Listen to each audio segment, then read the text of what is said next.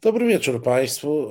Jak zwykle wzruszony jestem tą e, czołówką i to mnie trochę dekomponuje na początek. E, ten kręcący się pan e, to Radosław Gruca, ja się nazywam Marcin Celiński i Dobry zaczynamy program bez wyjścia.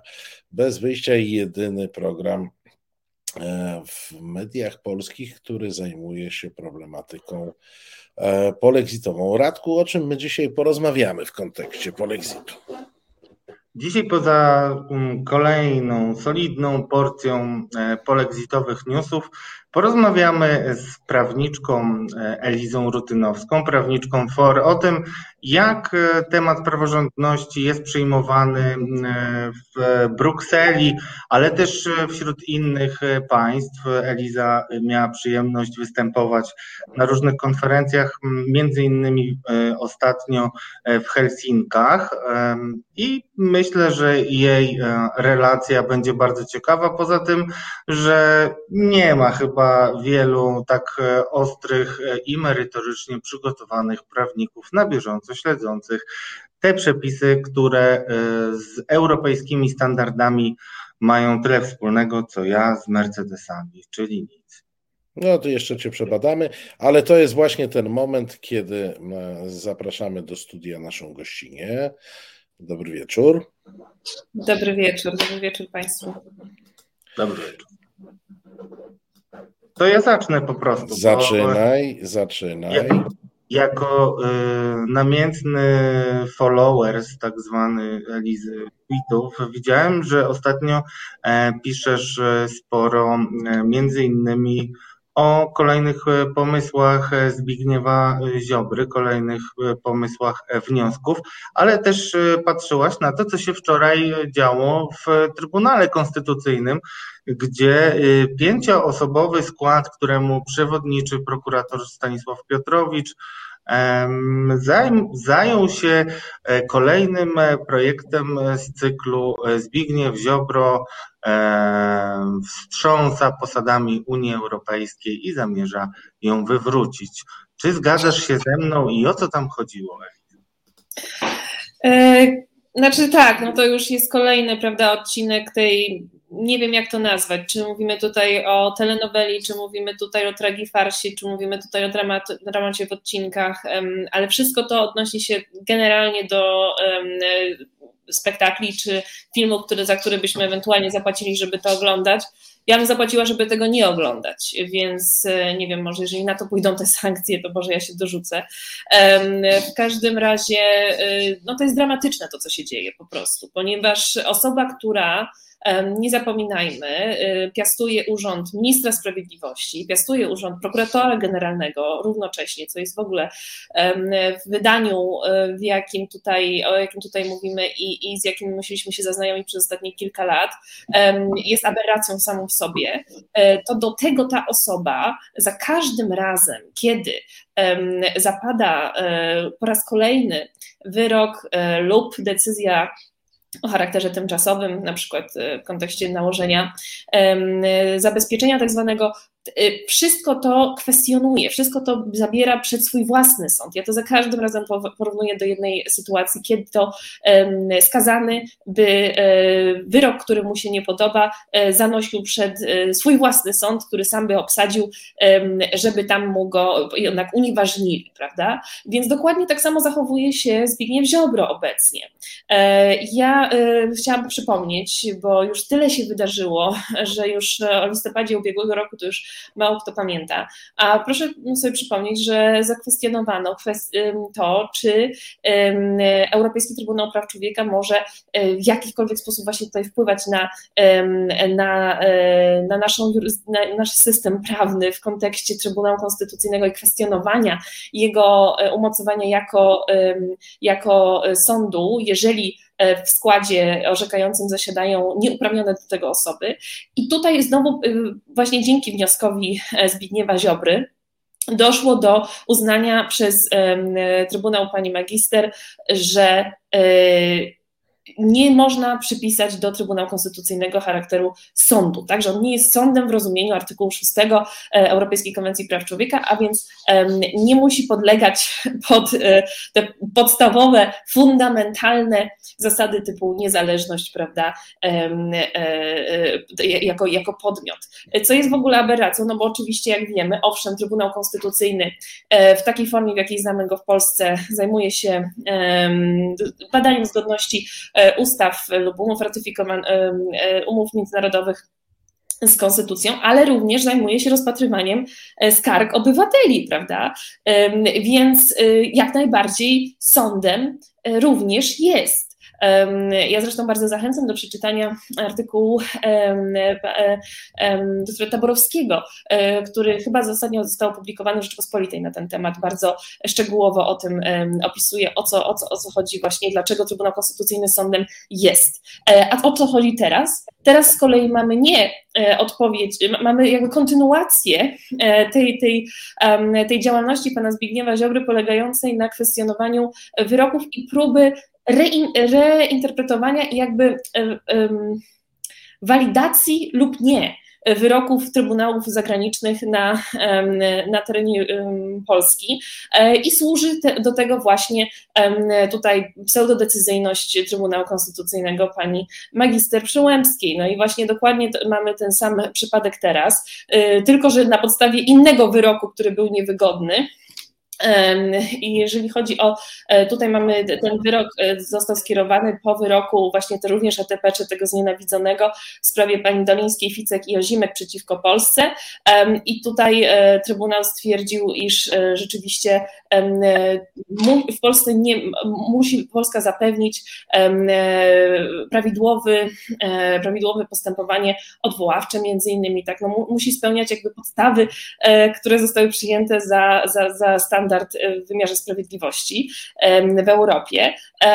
No i ten, ten wyrok, który nie, jest nie w smak tutaj naszym, naszej władzy, która nie lubi kwestionowania swojej deformy e, sądownictwa, właśnie znowu stał się podstawą do takiego wniosku, który po raz kolejny atakuje e, standardy europejskie, wynikające z Europejskiej Konwencji Praw Człowieka na terenie Polski. A przypomnijmy, że jeżeli spojrzymy sobie na artykuł 6, chyba Radku o tym nawet, nawet porównywaliśmy kiedyś u Ciebie w programie, programie e, artykuł 6 z treścią dotyczącą prawa do sądu, do niezależnego i bezstronnego sądu, które wynika z naszej konstytucji i one są niemal identyczne. Więc pytanie, e, czy to polskie wartości są atakowane, czy to e, wizja świata pana Ziobry i spółki jest tutaj atakowana? No ale to ja to muszę tak. stanąć e, w obronie w roli adwokata diabła. No, Zbigniew Ziobro jako minister polskiego rządu, jako prokurator generalny jest zobligowany prawnie do ochrony interesów polskich narodowych, e, także w kontekście umów międzynarodowych, jakie Polska e, zawarła. No i jakby jego prawem, a nawet obowiązkiem jest kierowanie mm, spraw, które uznaje za wątpliwe do Trybunału Konstytucyjnego, no bo dokąd ma je kierować? No w naszym systemie e, prawnym to Trybunał Konstytucyjny jest mm, odpowiedzialny między innymi za kwestię orzekania zgodności e, umów e, ratyfikowanych przez Rzeczypospolitą z naszym systemem.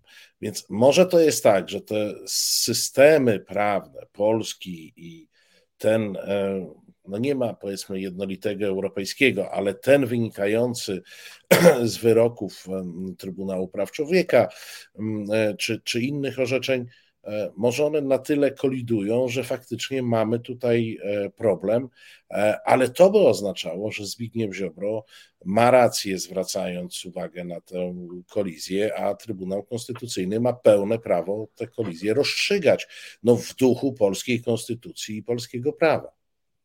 Panie redaktorze, ja się absolutnie zgadzam z tym, że minister sprawiedliwości powinien e, dbać o, pol, o, polskie interesy, minister rządu powinien o polskie interesy dbać, ale to, z czym mamy obecnie do czynienia, nie ma nic wspólnego z dbaniem o polskie interesy.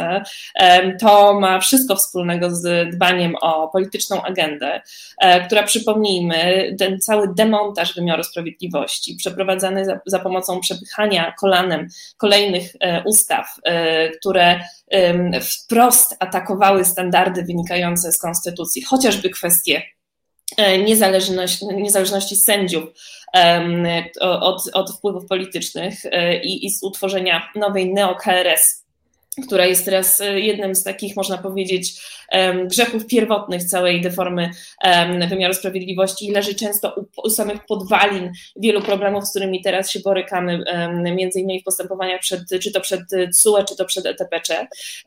Natomiast e, proszę zauważyć, w jaki sposób problemy e, z naszym wymiarem sprawiedliwości, e, były, były próby podjęcia tutaj ich rozwiązania. W Polsce i na samym początku tej deformy, reformy, pojawiały się chociażby misje niezależne Komisji Weneckiej, wskazujące na to, e, w jakim kierunku e, nie powinny iść zmiany przepychane przez polski rząd i że już na tym etapie e, były one sprzeczne właśnie z ratyfikowanymi przez Polskę umowami międzynarodowymi, w tym traktatami unijnymi.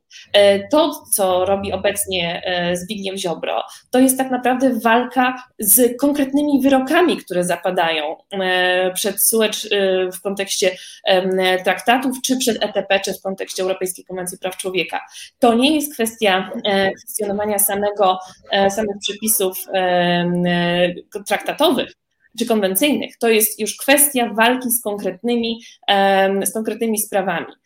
I tutaj jest, e, i, i, ogólnie rzecz biorąc, mamy tutaj duży problem też, e, jeżeli przeczytamy sobie uzasadnienia tych wniosków, e, tam pan Zbigniew Ziobro się nie kryje, o co chodzi, o, o co tak naprawdę chodzi w tych wnioskach. Tak? To, są, to, jest, to jest po prostu, a potem zresztą komentuje sam na swoich konferencjach prasowych, mówiąc o tym, że chodzi o to, żeby, jak to było, przebierańcy w togach, czy politycy w togach nie, e, nie, nie ustawiali nam polskiego sądownictwa. Cały czas kryjąc, e, cały czas tłumacząc, że ani SUE, ani ETPC nie mają kompetencji do tego, żeby ingerować w ustrój wymiaru sprawiedliwości w Polsce, ponieważ to jest wyłączna kompetencja czy to państwa członkowskiego, czy to państwa członka Rady Europy.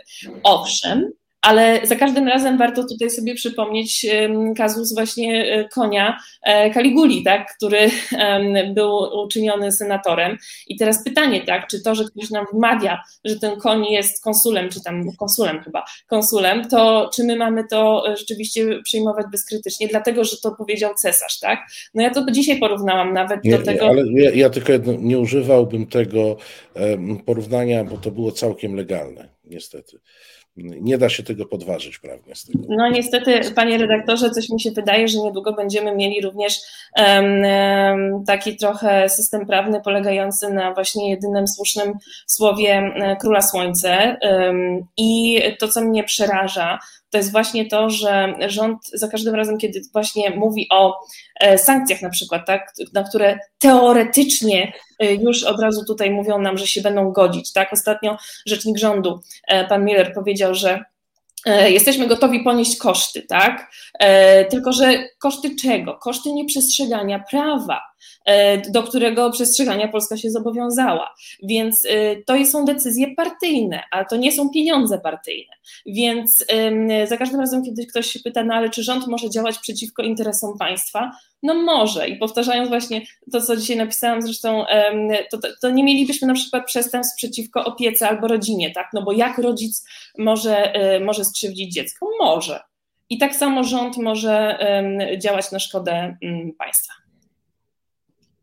To ja w takim razie mm, zapytam jeszcze a propos działania na szkodę państwa, bo myślę, że też do tego e, nawiązujesz trochę. Chciałem spytać Ciebie, mm, jak Ty uważasz, jakie tutaj mogą przynajmniej w teorii prawniczo mieć zastosowanie paragrafy, bo Ty dochodzisz do wniosku nawet śmiałego, że może tutaj chodzić o coś, co nazywamy zdradą dyplomatyczną. Nie za daleko E, idziemy w tego typu spekulacjach? Ja myślę, że my nie idziemy wystarczająco daleko. E, my cały czas jakby, jako też, ja tu się biję w pierś, bo też mówię tutaj ogólnie o prawnikach, e, że my cały czas bardzo chcieliśmy udawać, że nadal mówimy o jednym państwie. O jednym państwie, w ramach którego funkcjonujemy, reguł przyjętych, no rzeczywiście może tutaj rząd ma inne zdanie, ale ogólnie rzecz biorąc mówimy tutaj o prawie. Natomiast w tym momencie kiedy widzimy, co się dzieje, kiedy widzimy, jakiego rodzaju ustawy są przepychane, kiedy widzimy, w jaki sposób jest traktowana instytucja Trybunału Konstytucyjnego, kiedy słyszymy o zapowiedziach kolejnych, kolejnych ruchów, które mają chociażby polegać na spłaszczeniu sądownictwa totalnym, tak, który ma de facto doprowadzić do weryfikacji sędziów. E, czy mówimy tutaj o, e, o tym, co się, co się działo, co, do czego właśnie doprowadził ten, to, to uparte niestosowanie chociażby do orzeczeń właśnie CUE, czy w zakresie tak zwanych decyzji e, postanowień tymczasowych to wszystko tak naprawdę należy w końcu zacząć nazywać po imieniu. E, to jest walka, którą prowadzi rząd e, w sposób e, sprzeczny z interesami Polski jako członka Unii Europejskiej, jako członka Rady Europy i być może niedługo jako członka chociażby innych organizacji takich jak NATO, bo ONZ już dawno zaczęliśmy lekceważyć. Tutaj już nawet nie, nie mam, już nawet chyba nie, nikt nie ma spisanych ilości wizyt, które zostały przeprowadzone przez różnych specjalnych komisarzy wysłanych przez ONZ e, do Polski. Zbliża się kolejny przegląd, e, tak zwany Universal Periodic Review e, Polski na arenie ONZ. No i Polska, ona przy też okazji ostatniego tego UPR-u właśnie przyjęła różne rekomendacje na arenie międzynarodowej, powiedziała, że je przyjmie, że je przeprowadzi. Wrócili, wróciła na swoje tereny i, i nic z tego nie wyszło. Więc jakby e, ja mówię o zdradzie dyplomatycznej, ponieważ jeżeli zerkniemy sobie na artykuł 129, to tam jest wprost powiedziane, kto jest upoważniony do działania w imieniu, do reprezentowania e, państwa e, w organizacji międzynarodowej albo w stosunkach z innymi państwami, działa na jego szkodę, to popełnia właśnie zdradę dyplomatyczną.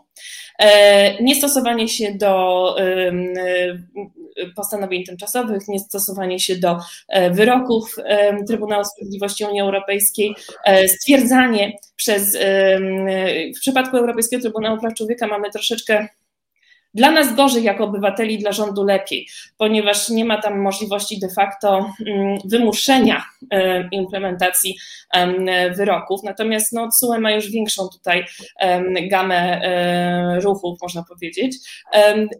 De facto my płacimy za, za, za, za błędy rządu i za upartość rządu.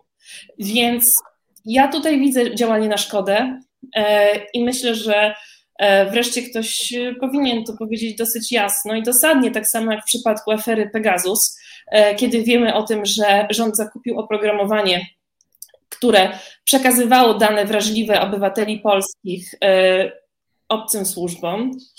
No, jakby możemy oczywiście chodzić i starać się to jakoś zagładzić, ale to są tego kalibru już, już działania, że moim zdaniem nie powinniśmy się bać już takich kwalifikacji. No pani powiedziała też, e, no, na chwilę zatrzymajmy się mm, e, przy tej wypowiedzi. E, mówiłaś w, dokładnie w portalu na temat, że afera podsłuchowa byłaby w demokracji rozliczona. Jak ty uważasz,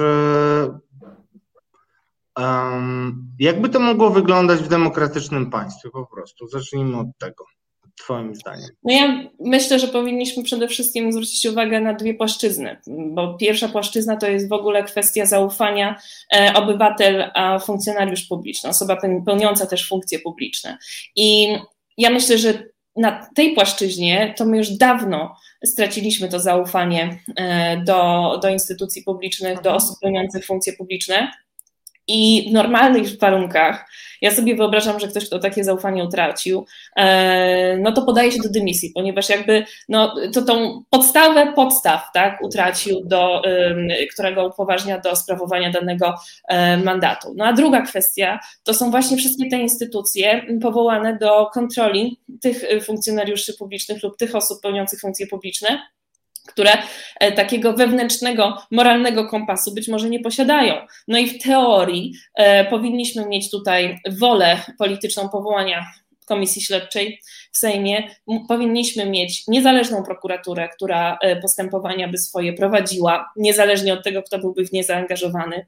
E, mielibyśmy e, ewentualnie potem już w konsekwencji postawienie danych osób, które mogą odpowiadać, a więc akurat w tym kontekście pewnie chodziłoby o ministrów z, z rządu, byliby postawieni w stan oskarżenia przed Trybunałem Stanu. Więc jesteśmy, wszystkie te instytucje w teorii posiadamy, prawda? A w praktyce, jak zaczniemy się wczytywać w sposób i mechanizm funkcjonowania tych, e, tych, e, tych instytucji, no to się okazuje, że tak, komisja śledcza będzie blokowana. A nawet zakładając, żeby powstała, to ma na przykład różnego rodzaju mechanizmy, których już nie jest w stanie wykorzystać w obecnej rzeczywistości, chociażby kwestia wykorzystania e, wsparcia od prokuratora generalnego. E, ponieważ ustawa o komisji śledczej sejmowej właśnie na takie wyciągnięcie ręki do prokuratora generalnego z prośbą o pomoc i przeprowadzenie danych czynności przewiduje. Tak? Trybunał Stanu również może być sparaliżowany. Także e, jakby jak sobie zaczniemy uświadamiać ilość powiązań, która została już dużo wcześniej przygotowana i dużo wcześniej taka ośmiornica powstała, to się okazuje, że my wszyscy jako obywatele jesteśmy w takim, no znowu wracamy do tych metafor typu no, zakładnicy, tak, obecnej sytuacji i jesteśmy w takim prawnym klinczu, tak, pseudoprawnym obecnie. No ale tutaj ja się muszę odezwać jako najstarszy w tym gronie, który pamięta mnóstwo sytuacji, które miały być rozliczone, od 1989 roku, począwszy od odpowiedzialności za stan wojenny chociażby i tym podobne rzeczy, e, po drodze różne odpowiedzialności związane czy to ze sprawami gospodarczymi, czy to ze sprawami e, e, czy to ze sprawami politycznymi. No sam Zbigniew Ziobro, jak wiadomo, który tam miał stanąć przed Trybunałem, nie stanął. W związku z czym trochę postaram się popsuć ten obraz, bo demokracja, no to, to powiedzmy, demokracja szczególnie w wymiarze tej sprawiedliwości, którą ona ma prowadzić, to jest prawo, procedury i instytucje. I jeżeli w tym momencie mówimy o Pegasusie, a jeżeli prawdą jest, że oni na te wszystkie podsłuchy e, dostali zgodę e, sędziego, ja umiem sobie to wyobrazić, że jest taki sędzia, czy są tacy sędziowie, bach, bach, bach, leciały e, podpisy, przedłużenia e, i tym podobne rzeczy. To w tym momencie jakby spada nam e, problem prawny, no bo służby przynajmniej wykonują te czynności legalnie. Możemy się zastanawiać, co, co ten sędzia wyprawiał na przykład w przypadku Krzysztofa Brejzy, który miał tam, zdaje się, że dwukrotnie przedłużoną, musiałby mieć, jeżeli, no my oczywiście tego nie wiemy, ale musiałby mieć dwukrotnie przedłużoną, mm, e, przedłużoną e, sankcję. Ale umiem sobie wyobrazić, że te podpisy są. Umiem sobie wyobrazić, że ci e, sędziowie istnieją. Czyli wszystko jest zgodne z prawem, możemy się rozejść. E, no ale właśnie tutaj mamy to kluczowe, to co pan redaktor powiedział. Zakładając, że, prawda? Zakładając, że. Ale przyjmijmy do... na potrzeby tej dyskusji, że tak, że, że, że mają kwit na brejzę, tak? że mają kwit na brejzę pozwalający na inwigilację. Ale to nie potrzebują kwitu, tylko potrzebują, e, w zależności od tego oczywiście, e, jeżeli, sobie, jeżeli to zrobiło CBA, powiedzmy, tak, no to zerkamy sobie do ustawy o CBA i tam z kolei mamy zamknięty katalog przestępstw, w, sprawie których mogą ewentualnie do takich kontroli operacyjnej przejść. No tam było podejrzenie bardzo poważnej korupcji 2300 miał przyjąć. Złoty tak, znaczy y, ja wyobrażam sobie, że w przypadku takiej sytuacji kontrola operacyjna ma generalnie kilka kluczowych elementów. Zgoda, przynajmniej taka, która wyląduje przed sądem. Przede wszystkim wszelkie inne E, środki, e, które są dostępne danej służbie, e, musiały być, okazać się albo nieprzydatne, albo bezskuteczne. Więc coś takiego musi być przedstawione sądowi i sąd to bierze pod uwagę. E, trudno mi sobie wyobrazić, żeby w sytuacji e, prowadzenia postępowania w, spra e, w sprawie łapówki 2300, tak? tak, tak, tak. Było, było. Konkretnie o dwie łapówki, jedna 2000, druga 300 zł. No, mielibyśmy do czynienia z nie, niemożnością, jakby taką kompletną bezczynnością służby, chociażby w formie CBA, tak? Jakby tutaj to nie jest ten kaliber przestępstw, wobec których generalnie kontrola operacyjna co do zasady powinna być stosowana. Więc dlatego ja jestem na tyle sceptyczna wobec e, twierdzeń, które słyszymy z drugiej strony, że na wszystko jest zgoda sądu. Zresztą pan Żaryn, który powiedział, że każdorazowo i zawsze musi być zgoda sądu, e, to nie wiem, czy to powiedział to w sposób taki generalizujący, czy, czy celowo wprowadził wszystkich w błąd, ale chciałam przypomnieć, że ta władza również wprowadziła tak zwaną ustawę antyterrorystyczną w 2016 roku, gdzie z kolei wprowadziła możliwość e, zarządzania kontroli operacyjnej cudzoziemców przez szefa ABW e, za, e, po poinformowaniu prokuratora generalnego i koordynatora służb specjalnych bez zgody sądu na trzy miesiące, absolutnie. I teraz dlaczego to jest istotne, może być istotne w kontekście afery Pegasus?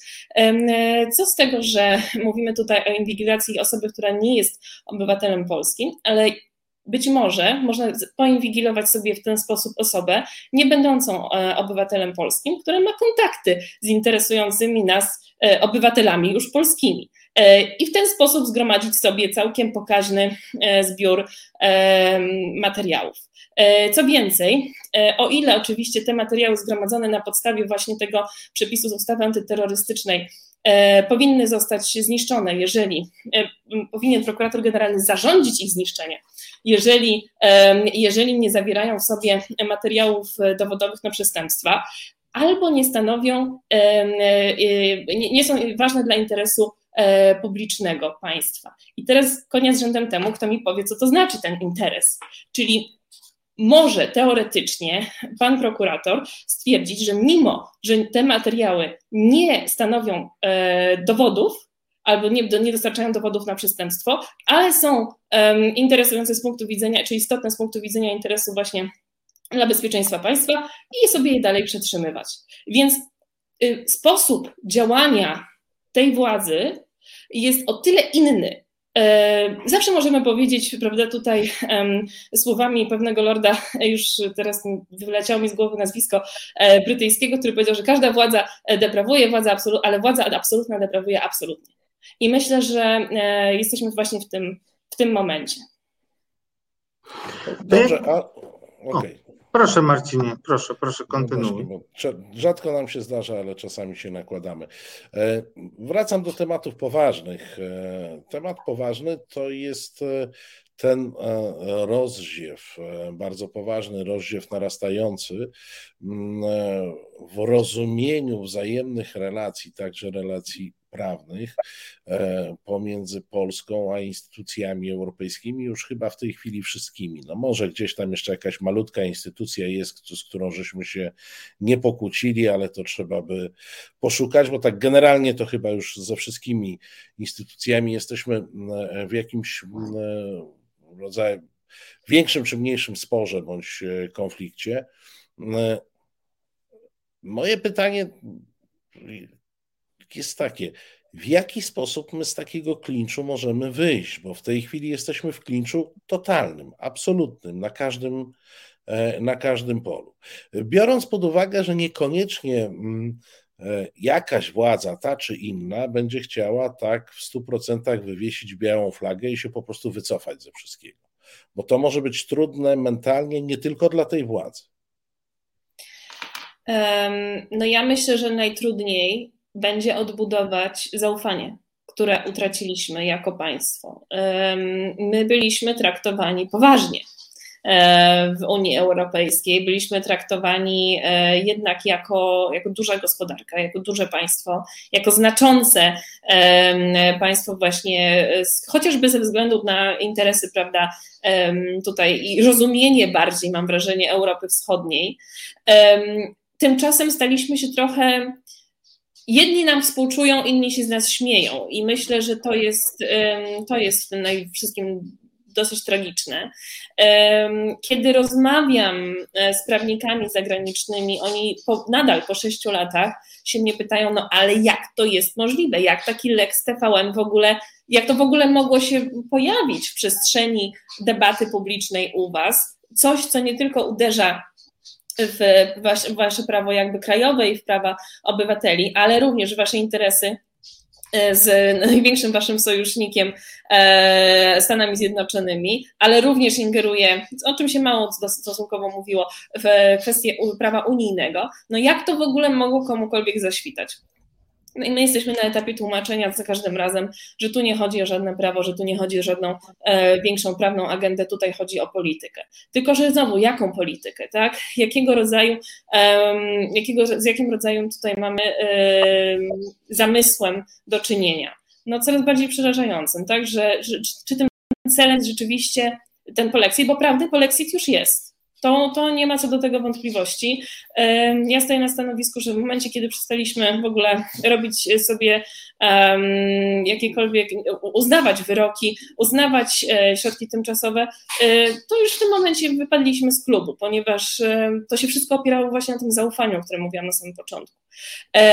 I myślę, że efektem jest właśnie takie traktowanie nas jakiego, jak takiego mm, znowu dziecka znowu takiego dziecka, które trzeba wprowadzić za rączkę i znowu tłumaczyć, czym, e, czym jest demokracja, tak? czym jest współczesna demokracja. E, I kiedy byłam w Helsinkach tutaj Radek wspomniał o tym. E, to był wyjazd na konferencję, podczas której występowałam na takim, przy takim panelu, zresztą z byłym ministrem sprawiedliwości Finlandii również, z kolegą z Węgier, z Helsińskiej Fundacji Praw Człowieka, tylko że węgierskiej. I rozmawialiśmy wtedy właśnie o tym, co się dzieje i w jednym kraju, i w drugim kraju. I mieliśmy też spotkania między innymi z minister do spraw Unii Europejskiej, fińskiej, z ministrem spraw zagranicznych. Oni wszyscy patrzyli na, na, na nas z niedowierzaniem i pierwsze co pytali, ale co my możemy zrobić? Państwa, które są nam przychylne, które są przychylne może niekoniecznie nam jako, jako Polsce, ale spójnej i, i, i sprzyjającej sobie e, Unii Europejskiej i silnej Europie, to te państwa się pytają, jak mogą nam pomóc. Jedyną odpowiedzią teraz na to to jest e, wsparcie dla, przynajmniej dawanie platformy polskiemu społeczeństwu obywatelskiemu, które e, odrodziło się, mam wrażenie, i w ogóle się może zaczęło budować de facto, ponieważ mieliśmy jednak do czynienia z takim kryzysem, można powiedzieć, trochę świadomości obywatelskiej jakby na to nie spojrzeć. E, a teraz rzeczywiście dzięki temu kryzysowi, z którym się borykamy, na nowo zaczęliśmy definiować, czym jest dla nas Europa, dlaczego jest dla nas tak strasznie ważna. I to głos społeczeństwa obywatelskiego Polski jest wyjściem z tego klinczu i, jest, y, i może dać nam szansę na odbudowanie zaufania dla naszego państwa. Czyli tak naprawdę y, obywatele muszą działać trochę ignorując rząd, można powiedzieć. I to robią właśnie inicjatywy obywatelskie, takie jak na przykład chociażby wolne sądy, czy inne organizacje, które się również udzielają na arenie międzynarodowej. To jeszcze w takim razie chciałem zapytać, przeczytałem dzisiaj artykuł na studio e, opinii, e, w którym autor e, stawia taką tezę, że jesteśmy o krok tak naprawdę od no, totalnej konfrontacji z Unią Europejską, a chodzi oczywiście o, mm, no, o likwidację Izby Dyscyplinarnej. Już y, nudne jest powtarzanie w naszym programie, że kolejny tydzień bez realizacji decyzji, która była zapowiadana przez e, samego e, Mateusza Morawieckiego, to znaczy likwidacja Izby Dyscyplinarnej i generalnie podkreślam, że nie tylko to, bo też wycofanie się z ustawy kagańcowej. Moje pytanie e, do Ciebie jest następujące. Czy rzeczywiście jest tak, że jeśli mm, prezydent prezydent wskaże e, nowego szefa Izby Dyscyplinarnej, to realnie oznacza, że no my lekceważymy sobie mm, orzeczenia TSUE. Czy ty tak, czy podzielasz takie, taką opinię, taką obawę? Oczywiście, że tak. Oczywiście, że tak. Ja, y, ja już to zauważyłam w momencie, kiedy analizowałam nowy projekt y, o sędziach pokoju, tak zwanych, y, gdzie z kolei prze, przewidziano, że ich odpowiedzialność dyscyplinarna również będzie się odbywała przed sędziami Izby Dyscyplinarnej, więc znowu był procedowany projekt z założeniem, że ta Izba Dyscyplinarna, jak rozumiem, będzie sobie funkcjonowała. A nawet jeśli doszłoby do likwidacji tej Izby Dyscyplinarnej, to ja sobie nie wyobrażam, że nie powstałby jej dubli, duplikat, tylko że pod inną nazwą. Bo jakby tu nie chodzi o przywrócenie równowagi prawnej, tu nie chodzi o przywrócenie demokracji, bo gdyby chodziło o przywrócenie demokracji i demokratycznych standardów, to mielibyśmy woltę od wszystkich ustaw, które zostały wprowadzone, poczynając od przejęcia e, prokuratury, więc e, przez polityków. Więc ja myślę, że tutaj chodzi o jak najdłuższe przedłużenie możliwości mydlenia oczu e, Unii Europejskiej, ale ta cierpliwość się kończy, ponieważ e, kolejną rzeczą, o której zawsze mówię, kiedy mam przyjemność rozmawiać również e, z, z zagranicą, jak to, to się u nas mówi, to zawsze powtarzam, że to, co się dzieje u nas, wydarzyło się wcześniej na Węgrzech, a wcześniej się wydarzyło w Turcji, tylko że oczywiście w innych, e, w innych proporcjach wtedy jeszcze. Czyli to jest domino. I nikt w Unii Europejskiej, kto jeszcze chce Unii Europejskiej, e, nie będzie czekał bezczynnie, aż to się wydarzy u, nie, u niego czy u niej. Ja zresztą napisałam kiedyś taki artykuł właśnie, dlaczego e, wojna polskiego rządu z prawami obywatelskimi jest problemem każdego Europejczyka i każdej Europejki. No, no właśnie dlatego, że to już jest u nich i łomocze do ich drzwi. I oni sobie z tego całkowicie zdają sprawę um, i nie odpuszczą tej walki. E, między innymi właśnie e, wspierając polskie społeczeństwo obywatelskie w naszej walce. A jak podchodzą w ogóle ludzie? E, często jeździsz i spotykasz się z politykami, z ambasadorami państw europejskich i nie tylko na też nieformalnych rozmowach, więc chciałem Cię prosić, żebyś uchyliła nam rąbka tajemnicy. Jakie jest ich podejście do tego? Czy oni uważają, że to jest tylko taka gra, e, kiedyś to się mówiło, e, napinanie muskułów, czy też e, machanie szabelką, czy oni rzeczywiście realnie obawiają się tego polexitu, mm, ponieważ Rozmawialiśmy też z panią profesor Renatą Minkowską-Norkienę i ona nam relacjonowała, że obawy o to, że w akcie mm, no, jakiegoś gniewu, czy też nie do końca racjonalnego działania, Jarosław Kaczyński może po prostu wrzucić taką ustawę i polexit stanie się no, e, faktem, mówiąc wprost. Jakie są oceny i podejście do polityki PiSu w zakresie mm, deformy sądownictwa E, na zachodzie, tak e, na początku była obawa po Exitu, na początku była obawa, e, że Unia będzie osłabiona przez kolejne, na przykład wyjście kolejnego państwa, tak, po, po Wielkiej Brytanii. Ale teraz problemem nie byłby o tyle polexit, co pozostanie takiej Polski w Unii Europejskiej. Bo to, co staje się większym jeszcze zagrożeniem dla Unii, E, to jest jej demontaż od wewnątrz. I to są, e, to są, to jest istnienie w niej państw, które całkowicie przeczą e, przyjętym standardom traktatowym i jednocześnie czerpią korzyści z pozostawania w Unii. Czyli posiadanie takich własnych wewnętrznych sabotażystów to jest zagrożenie dla Unii Europejskiej i wszystkie państwa sobie z tego zdają e, sprawę. Więc e, polexit będzie dla nich mniejszym problemem niż e, tolerowanie takiej Polski, takich Węgier w Unii Europejskiej. Śmiała bardzo teza. No nic, mam nadzieję, że do tego nie dojdzie. Marcinie, chciałbyś coś na koniec jeszcze? Nie, no bez, uważam, że teza nie jest śmiała, teza jest dosyć oczywista i ja jestem absolutnie przekonany o tym, że Zresztą ja sam, gdybym był obywatelem francuskim czy niemieckim, to pisałbym do swoich polityków, do swoich parlamentarzystów, weźcie i zróbcie jakiś porządek, odetnijcie nas od e, tych chorych ludzi Europy i budujmy Unię e, sami bez nich. To jest oczywiste. To, to jest mechanizm, który e, my wywołujemy, a oni tylko na to reagują. Bardzo dziękujemy za tę dzisiejszą rozmowę i za to spotkanie. No i jak rozumiem, do następnego. Bardzo serdecznie dziękuję i bardzo również pozdrawiam wszystkich Państwa słuchających.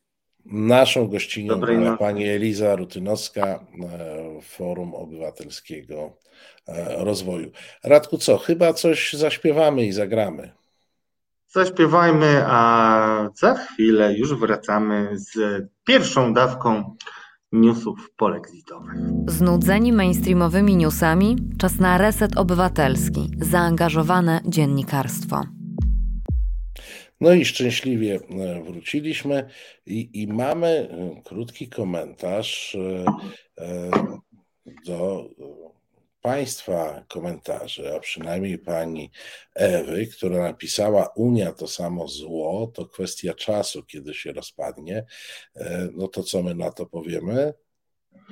No niedoczekanie. Niedoczekanie, Pani Ewo. Niedoczekanie, Pani Ewo.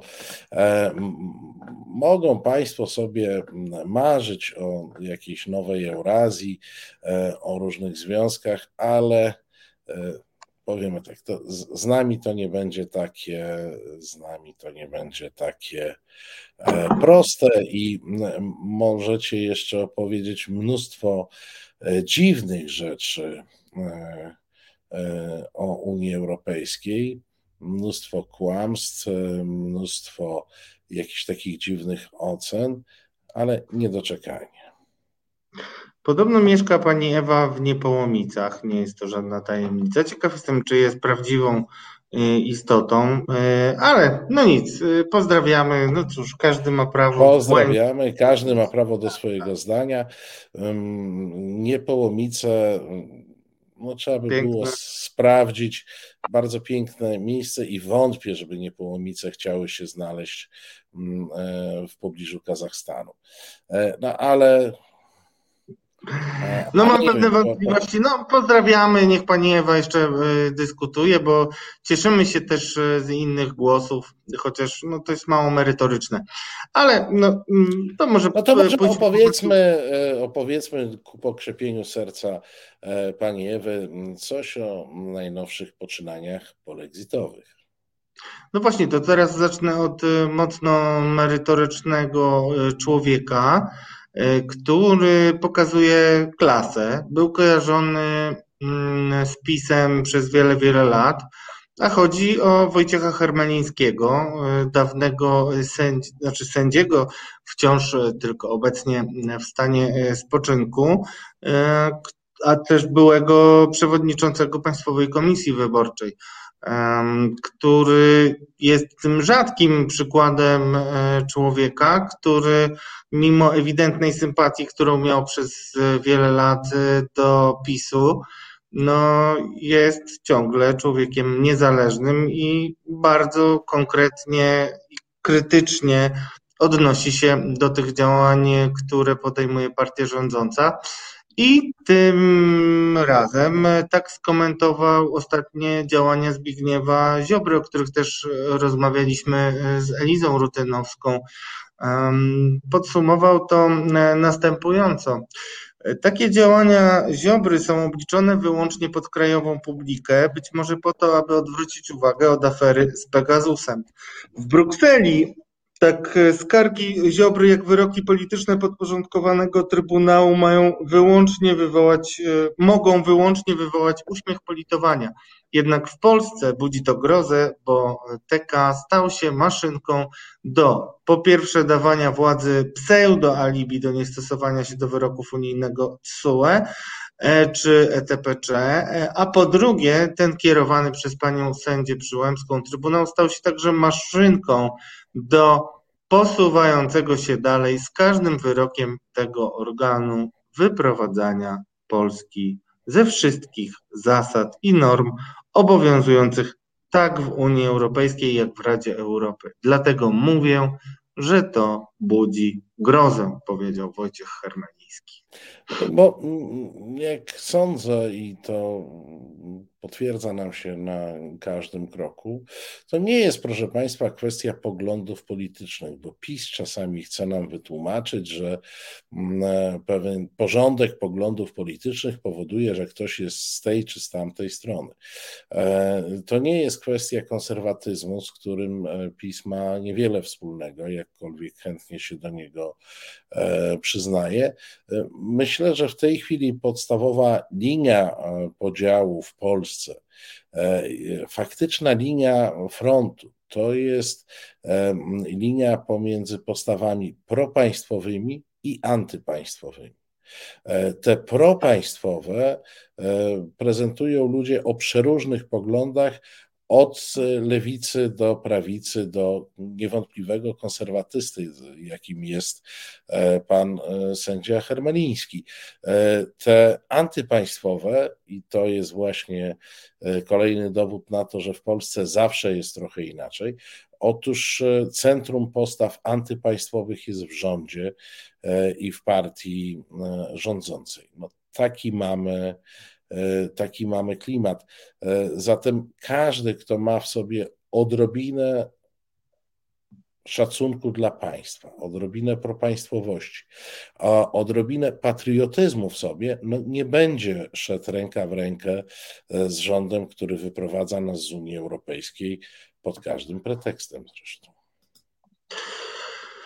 No cieszą mnie takie osoby, też wyróżnię tutaj e, w gronie e, nominatów e, PiS sędziego, byłego mecenasa wieloletniego Jarosława Kaczyńskiego, pana Piotra Pszczółkowskiego, bo tacy ludzie, którzy dostali nominację od PiSu, a mimo tego nie zostawili rozumu e, w szatni, e, ubierając palto wierności partii, będę zawsze wysoko stawał, stawiał, więc e, dlatego jest mi miło, że mogę przytoczyć ten cytat. A na co tak ostro zareagował mm, Wojciech Hermeliński? No, to jest też poza sprawą, która odbywała się w Trybunale i ostatnimi pomysłami Zbigniewa Ziobry, już jest kolejna zapowiedź przyszykowania wniosku do Trybunału Julii Przyłębskiej. Zbigniew Ziobro powiedział tak 18 stycznia. Jako prokurator generalny przygotowuje wniosek do TK, by sprawdzić, czy tryb przyjęcia decyzji o drastycznej zmianie systemu UE ETS, na którą zgodzili się Donald Tusk i Ewa Kopacz, nie naruszał przepisów Konstytucji RP. E, dlaczego zwracam na to uwagę? No to nie jest pierwsza zapowiedź. E, uzasadnienie jest takie jak zawsze, czyli mm, obrona polskiej gospodarki, e, sprzeciw wobec obciążeń wynikających z handlu emisjami i braku odpowiedzi na pomysł Ziobry, żeby reformować ten system handlu emisjami, o którym tak często mówimy.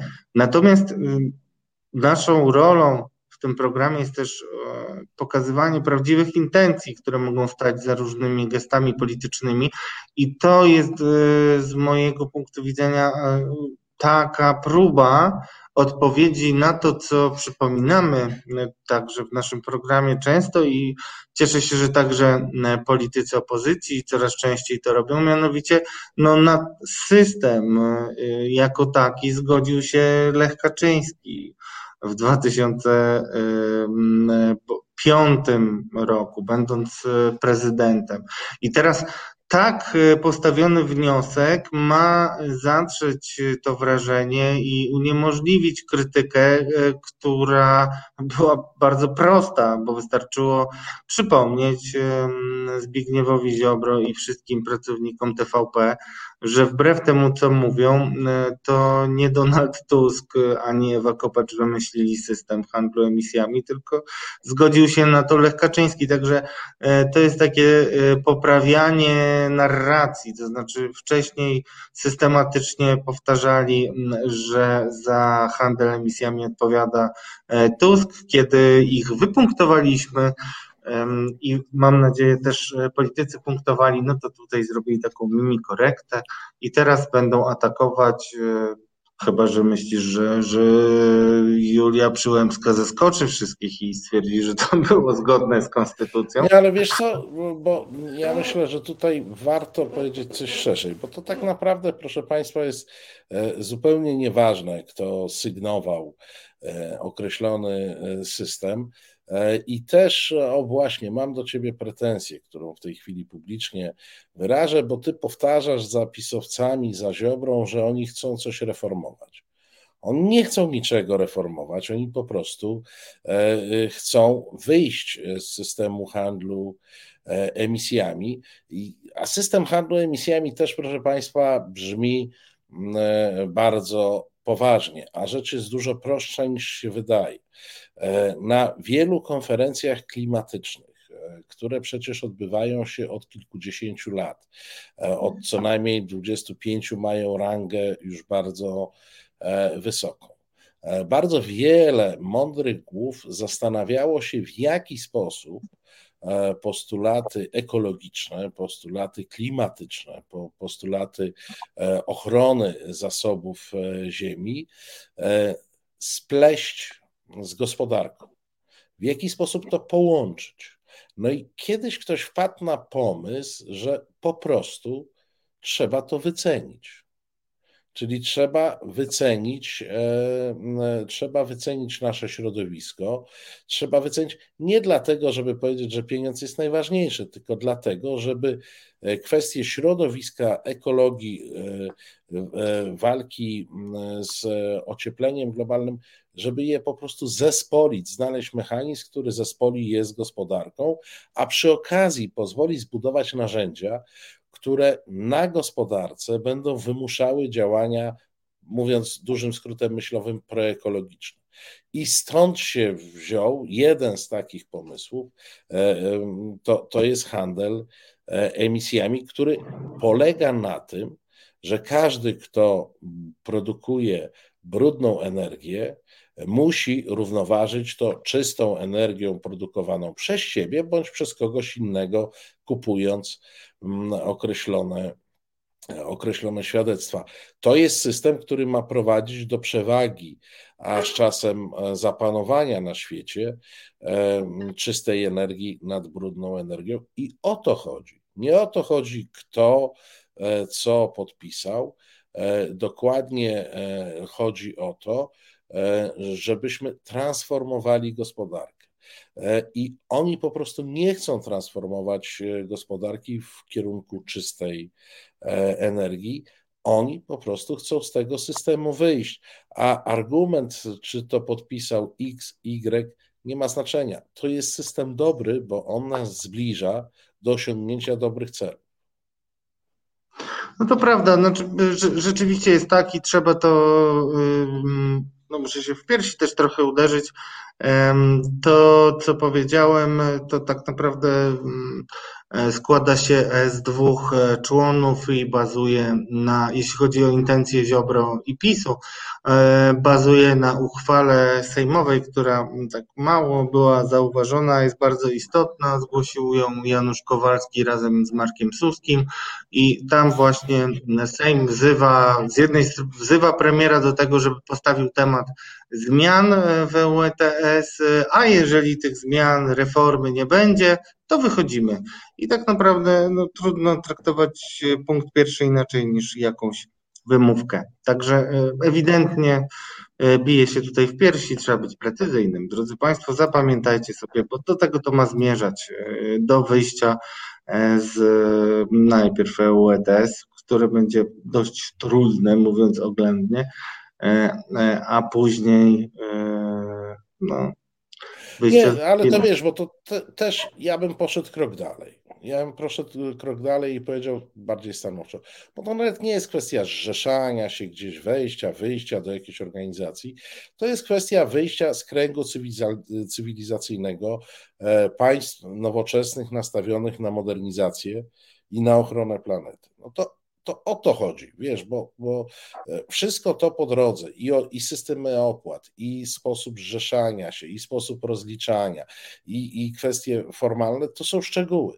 E, generalnie pytanie jest takie, czy my jesteśmy państwem, już nie chcę żadnego państwa obrazić, ale jakiejś e, głębokiej średniej Azji, czy, czy środkowej Afryki, z całym szacunkiem do tych państw, czy my jesteśmy państwem europejskim? No, państwo europejskie jest do czegoś zobligowane. No, i, I nie mieszajmy tutaj kwestii przynależności geograficznej, tak, bo ona jest oczywista, e, ale mówmy o przynależności kulturowej. Czy my kulturowo przynależymy do, światu, do świata zachodu?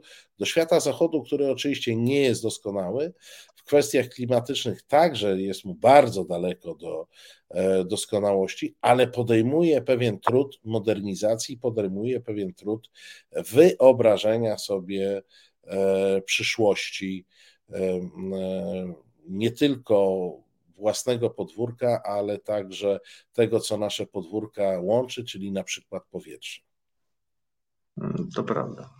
No cóż, nie wiem, czy już mamy e, naszą gościnę. Jeszcze nie. Chyba jeszcze jednego newsa zdążyć wrzucić. Tak, więc jeszcze mogę e, pozwolić mm, sobie na kolejnego newsa. No i e, przede wszystkim no, z kronikarskiego obowiązku, drodzy Państwo, Muszę powiedzieć, że odbyła się kolejna tura mm, negocjacji w sprawie Turowa. Tego Turowa, który miał być załatwiony E, już e, dawno oczywiście nie przyniosła e, specjalnych efektów albo żadnych efektów, mówiąc wprost. Natomiast to, co jest istotne, to to, że Polska wychodzi z kontrofensywą i zastanawiam się, na ile mm, to jest politycznie mądre. Jeszcze nie mam, szczerze mówiąc, tego mm, mm, do końca nie umiem do końca ocenić, natomiast widać wyraźnie, że teraz już e, atakujemy stronę czeską i e, media prorządowe pokazywały. Poczekaj, bardzo... uściślimy, jeszcze nie militarnie.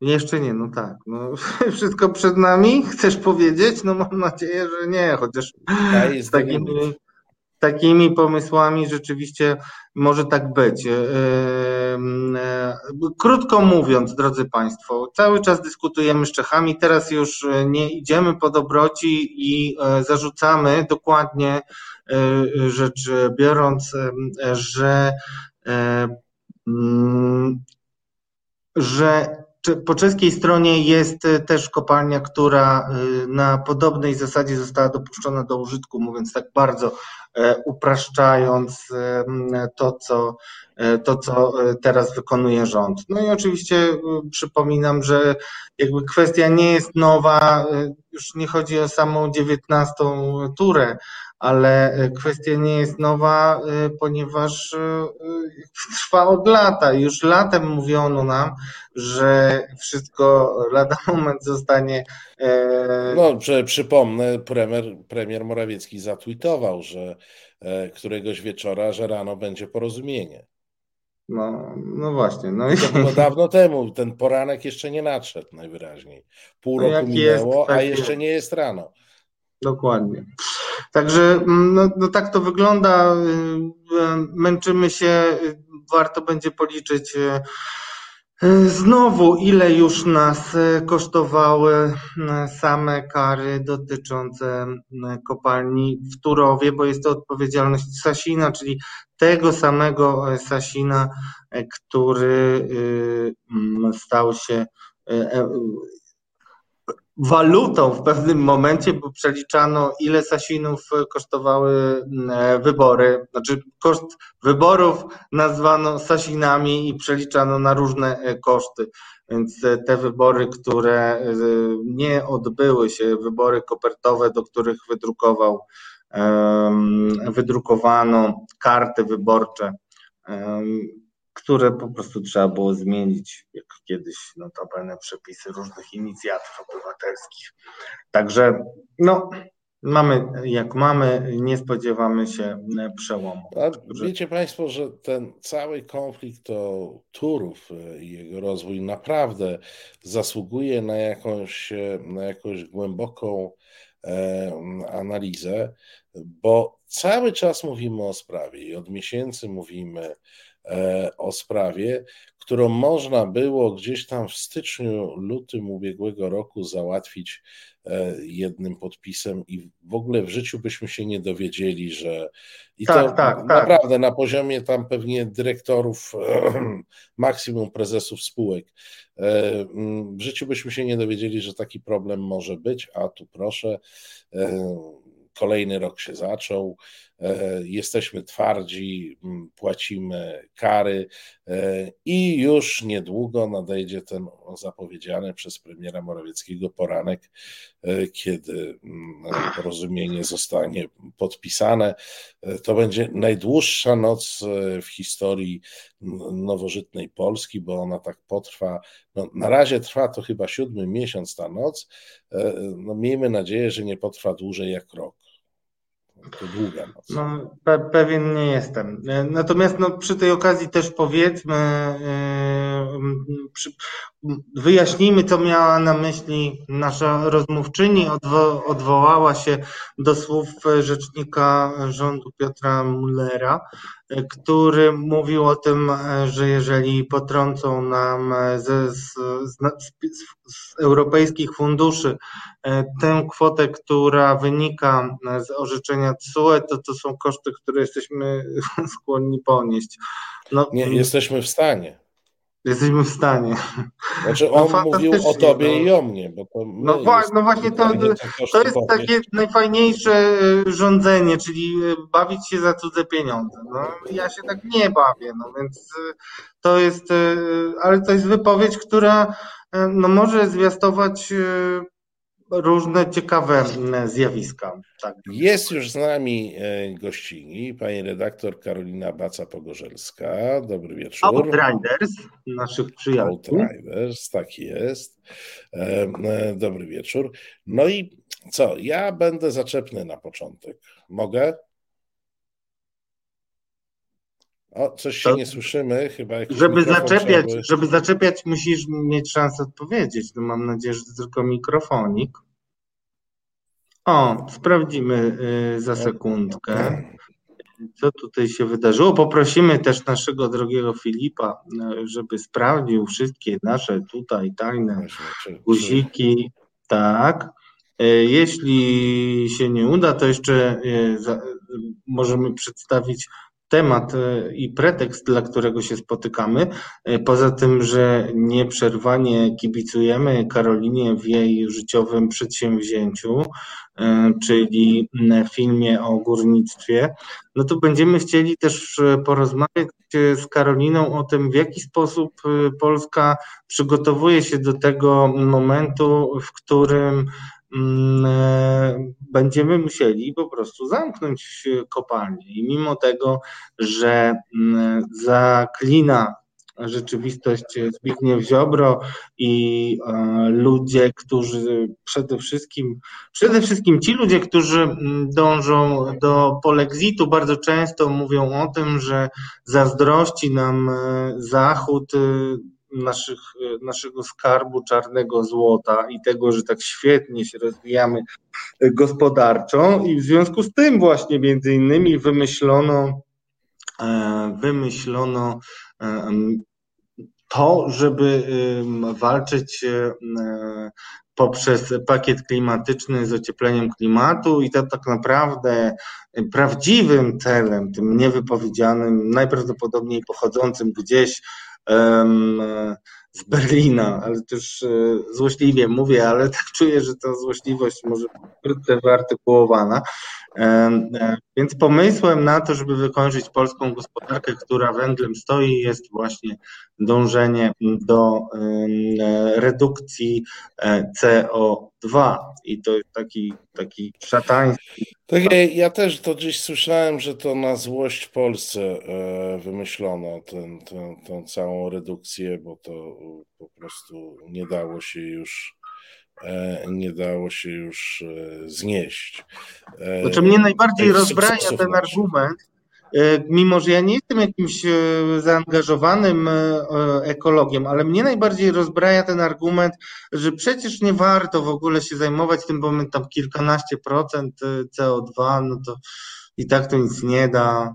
Stany Zjednoczone. No, wiesz, bo e, ja jednocześnie właśnie e, przypomniałem sobie, że e, czytałem dane na temat naszego czarnego złota i okazuje się, że od roku 2000 na czarne złoto, ale importowane, to myśmy ponad, zwiększyli nakłady ponad dziesięciokrotnie w złotówkach, bo w 2000 roku importowaliśmy węgiel za 384 miliony złotych, a w 2020 wydaliśmy na ten importowany węgiel już 4 miliardy i 100 milionów e, złotych. No to... Czyli to nie mało.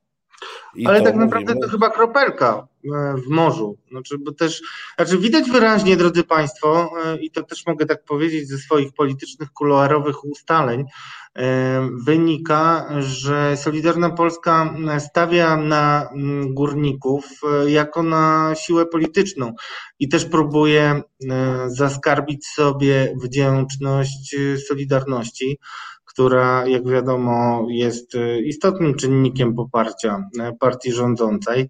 No i gdyby się udało Zbigniewowi Ziobrze prze, przeciągnąć ich nieco na swoją stronę, na tą stronę taką polexitowo-narodowo-katolicką, e, to, no to, to by była realna strata dla PiSu. Przynajmniej takie są kalkulacje Solidarnej Polski. Ale e, przy, przy tej okazji chciałem zacytować bardzo e, taką pobudzającą moim zdaniem wyobraźnię co do tego, o czym rozmawiamy, o problemie, jakim rozmawiamy, problemie węglowym, czy takim nawet bym powiedział węźle gordyjskim trochę na ten moment przynajmniej, bo jeszcze miecza Aleksander nie przyniósł. E, I zacytuję tutaj e, wypowiedź z wywiadu e, Marcelego Sommera, czy Zomera, nie wiem, przepraszam, pana Marcela, z Forsalu, który rozmawiał z Marcinem Roszkowskim. To jest człowiek z Instytutu Jagiellońskiego, z tego co mam nadzieję, że nie przekręcam. I jeśli przekręcę, to zaraz to poprawię, ale cytat jest bardzo zacny. Słuchajcie Państwo, Relacje między rządem a górnikami to zamknięte koło. Związkowcy nie widzą alternatywnej oferty, więc bronią status quo. Politycy, żeby ich uspokoić, bronią węgla zamiast pracować nad alternatywą.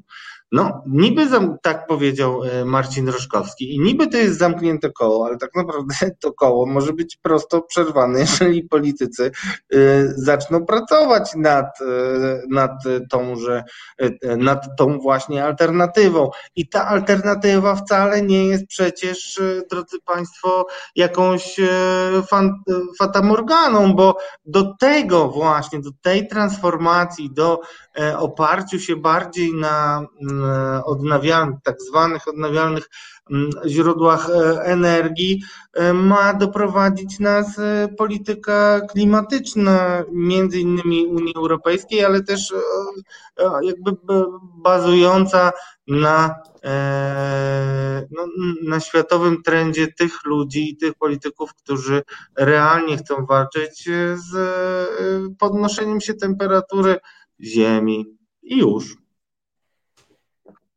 Karolino, teraz zapraszam naszą Już. drogą Karolina. Tym razem Pan powinno się udać. Dobry wieczór. Sprawdźmy, czy teraz się słyszymy? O, świetnie. jest świetnie, jest świetnie. No to super, naprawdę... ze słuchawkami niestety nie wyszło, więc, więc musimy próbować tak, ale jeśli jest ok. Urządzenia są drażliwe. No dobrze, to ja no, po, po, przyjąłem tą sugestię sprzętu, e, która się pojawiła po, zaraz po zapowiedzi, że będę prowokacyjny, trochę złagodzę, ale e, nie całkiem. E, ile jest miejsca e, w i w polityce klimatycznej, na którą Polska się e, zgodziła, i generalnie w światowym trendzie e, odchodzenia od czy minimalizowania paliw kopalnych, ile jest miejsca dla polskiego węgla i ile jest miejsca dla obietnic rządu e, składanych górnikom? Czy te obietnice i ten węgiel to w ogóle w tym nieuchronnym procesie jak, jakkolwiek się odnajdą? E, no i to jest e, bardzo, bardzo w punkt pytanie, zwłaszcza dzisiaj do mnie, ponieważ e, dużą część dnia spędziłam na researchu do naszego filmu dokumentalnego Zmierzchu Górnictwa i właśnie szukałam wypowiedzi polityków z różnego czasu na temat właśnie polskiego węgla. E, i nie tylko polskiego, ale, ale właśnie słuchałam sobie wypowiedzi e, premiera Tuska, kiedy właśnie jeszcze był premierem, e, jakieś 10 lat temu takie piękne życzenia na barburkę składał górnikom. Słuchałam Jarosława Kaczyńskiego, kiedy był w opozycji i mówił, że Polska po prostu musi bazować na tym węglu. Słuchałam bardzo dawnych wypowiedzi jeszcze z lat 70. towarzysza mm, Gierka. I czasem mam wrażenie, że przez te wszystkie lata te wypowiedzi, bo ja nie mówię o działaniach realnych, ale same te wypowiedzi non-stop są takie same, czyli Polska stoi węglem, e, nasza gospodarka będzie rozwijała się właśnie na węglu i tylko dzięki polskiemu węglowi ona po prostu może się rozwijać. E, żebyśmy byli uczciwi, ona przez wiele dziesięcioleci, właśnie dzięki temu, że ten węgiel mieliśmy, oczywiście mogła się rozwijać i wiele temu węglowi e, zawdzięczamy, bez dwóch zdań, jeśli chodzi o rozwój gospodarki, bo jeżeli chodzi o środowisko i czyste powietrze, to może już niekoniecznie. To też mm. dużo zawdzięczamy, ale trochę tak, inaczej. Tak, tylko w drugą, w drugą stronę. No i właśnie dzisiaj trochę tak się, tak się zastanawiałam, e, kiedy ktokolwiek z polityków będzie miał taką odwagę cywilną, mm, jakby rozmawiać z tymi górnikami tak naprawdę fair, bo y, fajnie się mówi już z punktu widzenia gdzieś tam tych polityków stojących z boku y, albo eurodeputowanych, którzy, którzy nie biorą odpowiedzialności do końca za decyzje, które są podejmowane na poziomie rządowym, e, że no tak, trzeba z nimi poważnie rozmawiać, muszą mieć, muszą mieć y, jakąś propozycje e, i tak dalej, i tak dalej. E, no ja mam wrażenie, że nikt nie ma takiej cywilnej odwagi, żeby z nimi porozmawiać. Na barburkę wszyscy politycy każdej opcji jeżdżą bardzo chętnie. Mówię tutaj o dwóch najważniejszych, głównych e, opcjach politycznych. Dzisiaj, o właśnie jeszcze jeden z cytatów, który, na który się dzisiaj natknęłam. Pan prezydent Andrzej Duda w 2017 roku na barburce w kopalni Pniówek powitał górników na tej typowo męskiej imprezie i podziękował za to typowo męskie spotkanie. To tak um, na marginesie. I ja cały czas mam wrażenie, że wszyscy, wszyscy politycy od roku 89 po prostu boją się górników. I nieważne, że mogli się ich bać, jak to była siła 400 tysięcy chłopa, no bo głównie jednak jest to męski zawód, a dzisiaj w górnictwie zatrudnionych jest 77 tysięcy ludzi. Mówimy o górnictwie węgla kamiennego konkretnie, no bo jeszcze mamy węgiel brunatny. I rząd, każdy, tak samo tej dużo mniejszej grupy um, się boi. Kto kiedyś będzie miał odwagę siąść z nimi do stołu i powiedzieć tak: Słuchajcie, drodzy panowie, sprawa wygląda następująco. Polska jest członkiem Unii Europejskiej, obowiązują nas pewne prawa, mamy pewne obowiązki, ale mamy też e, pewnego rodzaju korzyści. I musimy to zrobić tak, tak i owak wszyscy są świadomi tego, że kopalni nie zamyka się z dnia na dzień i nikt nie miał nigdy takich planów i nikt tego nie zrobi, bo to jest po prostu niemożliwe. E, takim światełkiem w tunelu dla mnie w ubiegłym roku była podpisana ta umowa społeczna rządu ze związkami zawodowymi w górnictwie, która przewiduje zamknięcie kopalń węgla energetycznego mm, do roku 2049. Tylko ja może byłam kiepska z matematyki, ale próbuję sobie, próbuję sobie pewne rzeczy do 10 tak naprawdę dodać i wychodzi mi tak. Jeżeli w polityce energetycznej Polski Mówimy o tym, że zakaz palenia węglem w piecach e, indywidualnych e, gospodarstw domowych w miastach będzie obowiązywał w 2030 roku, na wsiach w 2040. Jeżeli bloki węglowe mogą działać e, w tak zwanym rynku mocy, to jest taki mechanizm pozwalający płacić wytwórcom energii elektrycznej nie tylko za jej bieżącą produkcję, ale gotowość w szczycie, czyli w praktyce nowe moce. I ten mechanizm, zgodnie z zielonym światłem, jakie mamy oczywiście z Unii Europejskiej, też się skończy przed rokiem 40. To cały czas nie mogę się doliczyć, co będzie się przez te 9 lat działo z tym węglem energetycznym, który byłby w Polsce wydobywany. Oczywiście trzeba powiedzieć, że wtedy to już będzie dużo mniej kopalń niż dzisiaj. Dzisiaj możemy powiedzieć, że mamy około 20, de facto to jest trochę więcej, bo niektóre kopalnie składają się z trzech różnych, e, tylko jakby administracyjnie jest to jeden zakład, ale powiedzmy przyjmijmy te 20, no to na rok 49 bodajże trzy tylko e, przewidziano, reszta będzie zamykana wcześniej, ale mimo wszystko nie jestem w stanie sobie wyobrazić, co z tym węglem będzie się działo. Rozmawiałam na przykład z Bogdanką, to jest lubelski węgiel Bogdanka, którego zamknięcie jest przewidywane według tej umowy właśnie w 2049 roku. E, tam na przykład jest plan mm, badania złóż węgla koksującego, a więc węgla będącego bazą do produkcji stali, bo ta umowa społeczna absolutnie nie obejmuje kopalń tego rodzaju węgla. Więc może to jest jakieś wyjście, ale w tych kopalniach, e, które są też przewidziane na rok 49 poza Bogdanką, takich możliwości nie ma. No i nie, nie mogę się tych dziewięciu lat kompletnie doliczyć, ale mam trochę takie wrażenie, że to jest, y, tutaj cytowałeś Marcina Roszkowskiego i to zamknięte y, koło, tak, jeśli chodzi o te sprawy y, z górnikami.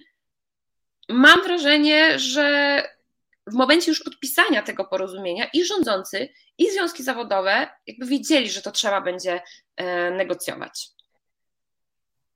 No, Radek?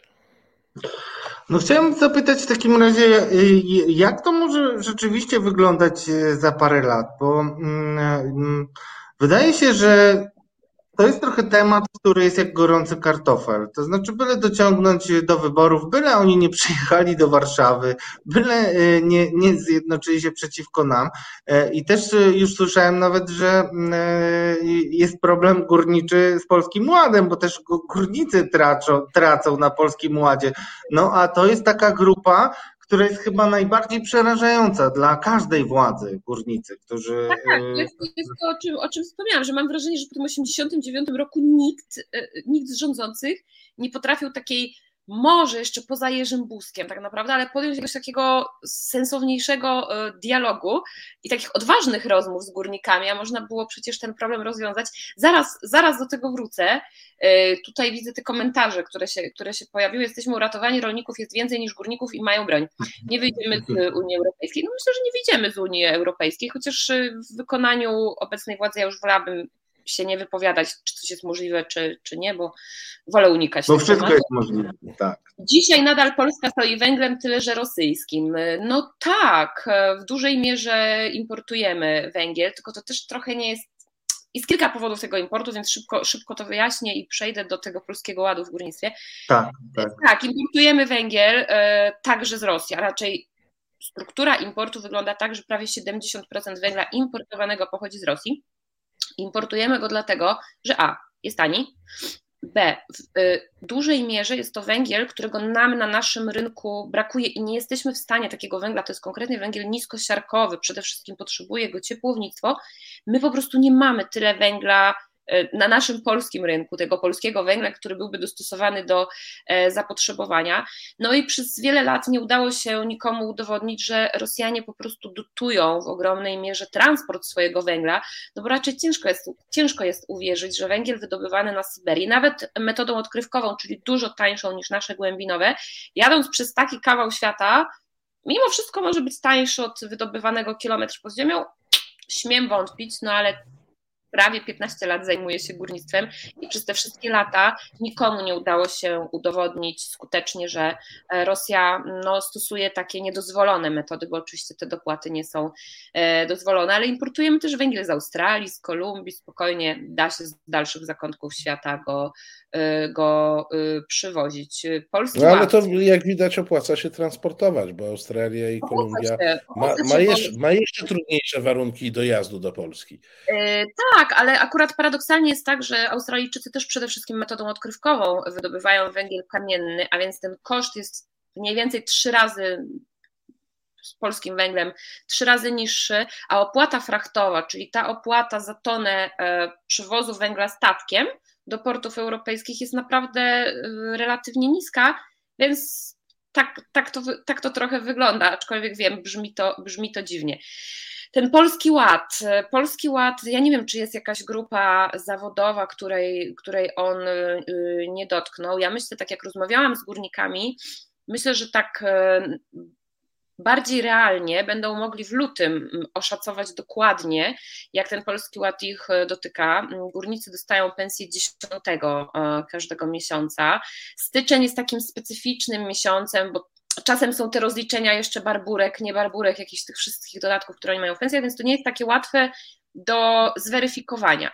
Natomiast w lutym rzeczywiście e, dostrzegą, e, dostrzegą e, to, jak Polski Ład dotknął ich pensje i w związku z tym też dlatego tak na ostrzu noża była stawiana w mojej opinii sytuacja w polskiej grupie górniczej, gdzie niedawno, kilka dni temu podpisane zostało wreszcie po wielu tygodniach negocjacji porozumienie. Nie jestem zaskoczona, oni się zawsze dogadają. E, natomiast tam rzeczywiście postulaty były dwa. E, jednym to było wyrównanie finansowe pracujących weekendów od września do grudnia, co miało służyć zwiększeniu produkcji, bo, bo węgiel drożał, jakby PGG też chciała skorzystać na tej koniunkturze, co jest naturalne. A druga kwestia no to standardowo co roku podwyżki, podwyżki, podwyżki, nieważne jaka będzie inflacja, nieważne czy będzie inflacja, czy deflacja, przychodzi koniec roku, górnicy e, wyciągają rękę po podwyżki, zawsze je dostawali, nie zawsze takie jak chcieli, tym razem dostali takie jak chcieli i myślę, ale to jest jakby zupełnie moje zdanie, że trochę też dlatego, by przygotować sobie taką miękką poduszkę, jak oni się zorientują, jak bardzo ich polski ład e, dotknął. Średnia pensja w polskiej grupie górniczej wzrośnie do poziomu, to jest bardzo uśredniona brutto, y, górnik pod ziemią nie zarabia tyle, żeby to było jasne, 8200 zł brutto miesięcznie będzie teraz wynosić, a mm, te jednorazowe wypłaty za przepracowane pod koniec ubiegłego roku weekendy, a to jest średnio 1500 zł, najwięcej górnicy dołowi 1600 brutto, powierzchnia około 1100-1350, no ale niestety, no polska grupa górnicza poniesie koszty 150-160 milionów złotych na e, zrealizowanie e, tych roszczeń, a natomiast e, prawda jest taka, że jej straty netto to miliardy złotych, kolejny rok z rzędu, a przypomnijmy, że Polska Grupa Górnicza to jest następczyni kompanii węglowej, która po prostu zbankrutowała. I żeby ratować te kopalnie, energetyka, fundusze, instytucje finansowe, um, naciskane przez państwo włożyły w nowo powstającą polską grupę, grupę górniczą miliardy złotych, których nigdy nie zobaczą e, z powrotem. I mimo to nie udało się tego kolosa, bo to jest jednak firma zatrudniająca prawie 40 tysięcy ludzi. My nie mówimy o jakiejś maleńkiej firence. Tego kolosa nie udało się e, postawić na nogi. Raczej marne są szanse, że się go na nogi e, postawić uda, bo ja jakoś sceptycznie podchodzę do tego, że e, Bruksela e, w takiej niezmienionej formie zgodzi się na notyfikację naszej umowy społecznej, wspomnianej już prze, prze, przeze mnie, podpisanej w ubiegłym roku, bo tam poza tą datą 2049, co pewnie jest najmniejszym problemem tej umowy, chodzi o kilkadziesiąt miliardów złotych pomocy publicznej, a więc pieniędzy z budżetu państwa, które do tego 49 roku, sukcesywnie rok, rok co roku pewnie byłoby to mniej, miałyby dotować polskie górnictwo, po to by ono mogło do tego 49 roku wytrwać. Ja tutaj widzę dwie opcje. Jedna będzie taka, że ta Komisja Europejska powie: Dobra, Polska, zapłaćcie już i tylko zamknijcie wreszcie te kopalnie. E, może się tak wydarzyć, ale ta opcja, która jakoś tak bardziej wydaje mi się realna, jest taka, że Unia powie: No, no way, sorry. E, I, i to będzie bardzo poważny problem. Polska, nie czekając na decyzję Komisji Europejskiej, przegłosowała własną ustawę zezwalającą na wydanie niemal 30 miliardów złotych na e, nasze kopalnie węgla kamiennego. No ale mam poważne, mam poważne obawy co do, co do tego, że będziemy mieć na to zielone e, światło. Kolejny, kolejny komentarz widzę, dziadek fedrował, ojciec fedrował, ja fedruję i syn e, będzie fedrował, nikt Hanysa z dziury nie wyciągnie, taka jest tradycja i szluz. No, to się okaże. Ja na przykład wcześniej widziałam gdzieś komentarz, który gdzieś tam przewinął mi się podczas tej mojej przydługiej wypowiedzi o tym, że czy górnicy zdają sobie sprawę no z tego. Właśnie, ja, ja, chciałem, ja chciałem do tego nawiązać, do tych wypowiedzi.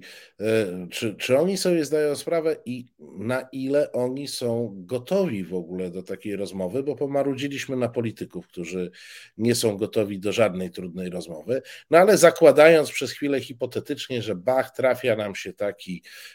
premier czy minister, który tak chce siąść e, do, do rozmowy i porozmawiać e, uczciwie i szczerze, tak? Po, powiedzieć, no drodzy panowie, bo to z masku męski zawód, drodzy panowie, perspektywa nasza jest 5-10-letnia, a nie 20-letnia, jak wam tu niektórzy um, opowiadali. Siądźmy i wymyślmy wspólnie, albo ja wam zaproponuję, jakie są drogi wyjścia na to, żebyście niekoniecznie federowali, a e, utrzymali pewien poziom życia, pewien status. Czy górnicy na taką rozmowę byliby gotowi?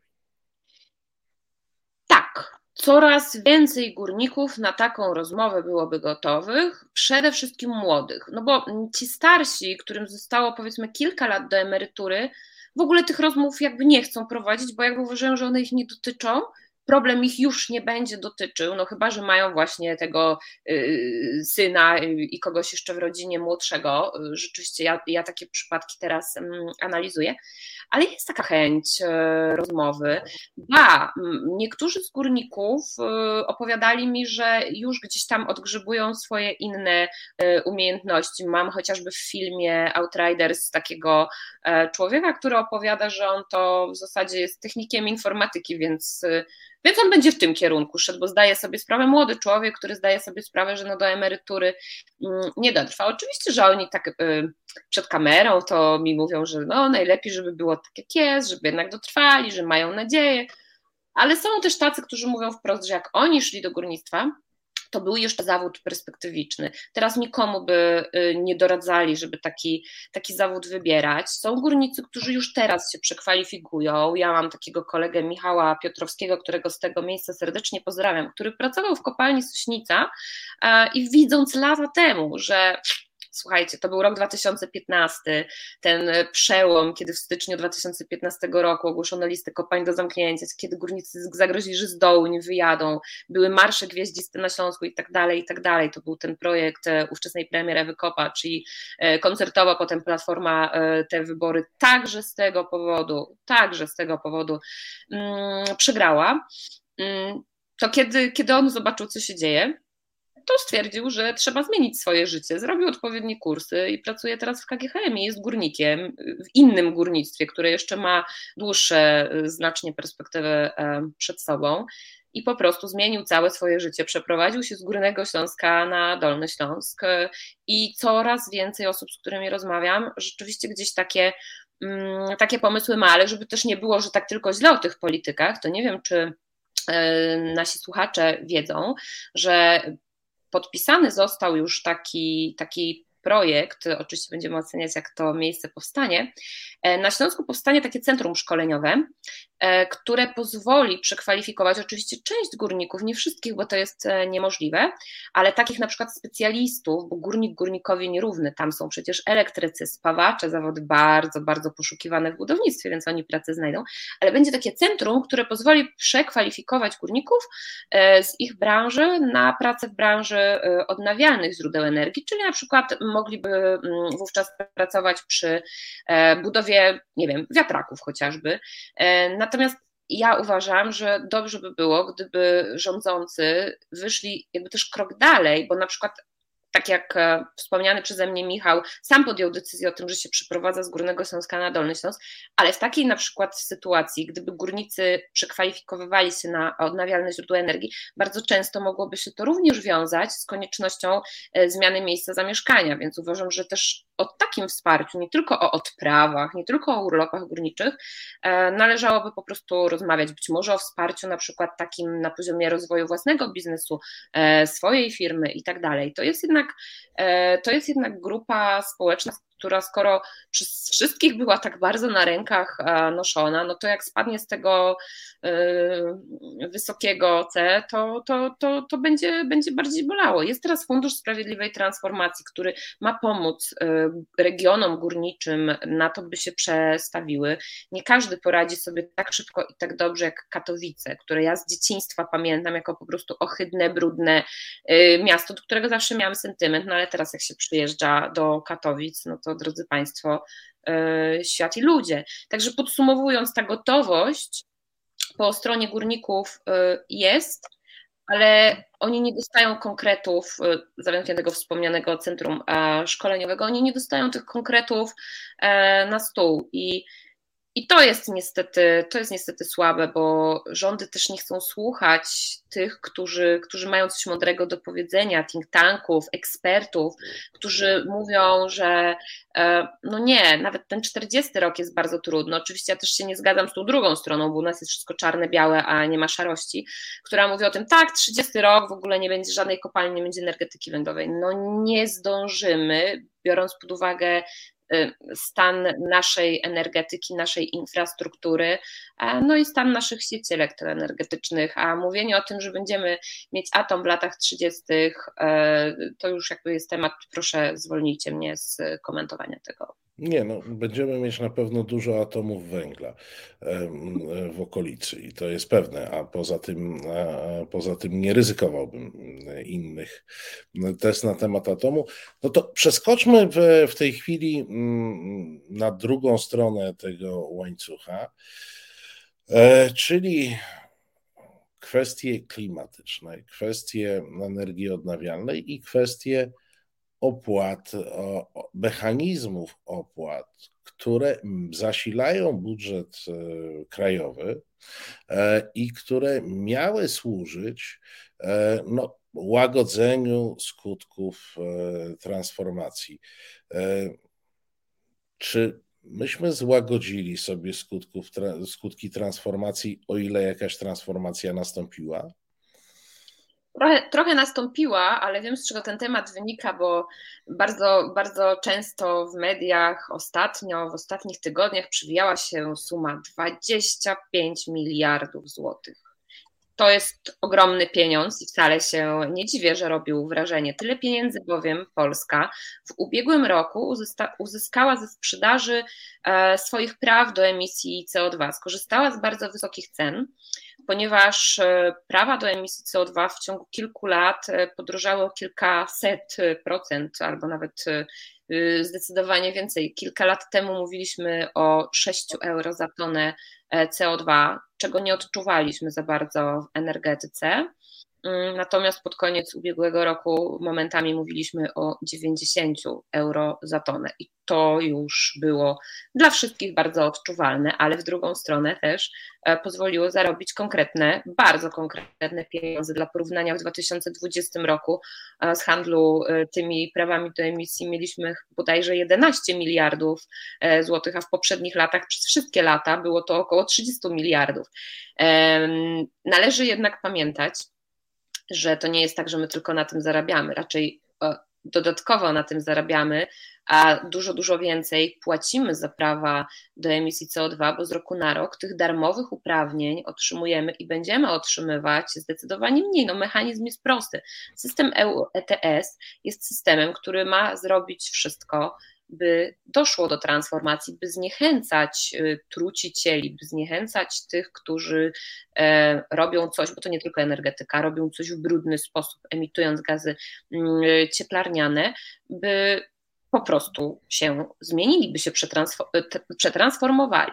No i rzeczywiście nie są to do końca pieniądze znaczone, E, one wpływają po prostu do budżetu państwa, ale uwaga, w tej chwili Komisja Europejska ma plany, by te pieniądze ze sprzedaży praw do emisji były po prostu już pieniędzmi naznaczonymi i by były rozliczane zgodnie z tym, na co powinny zostać e, przeznaczone.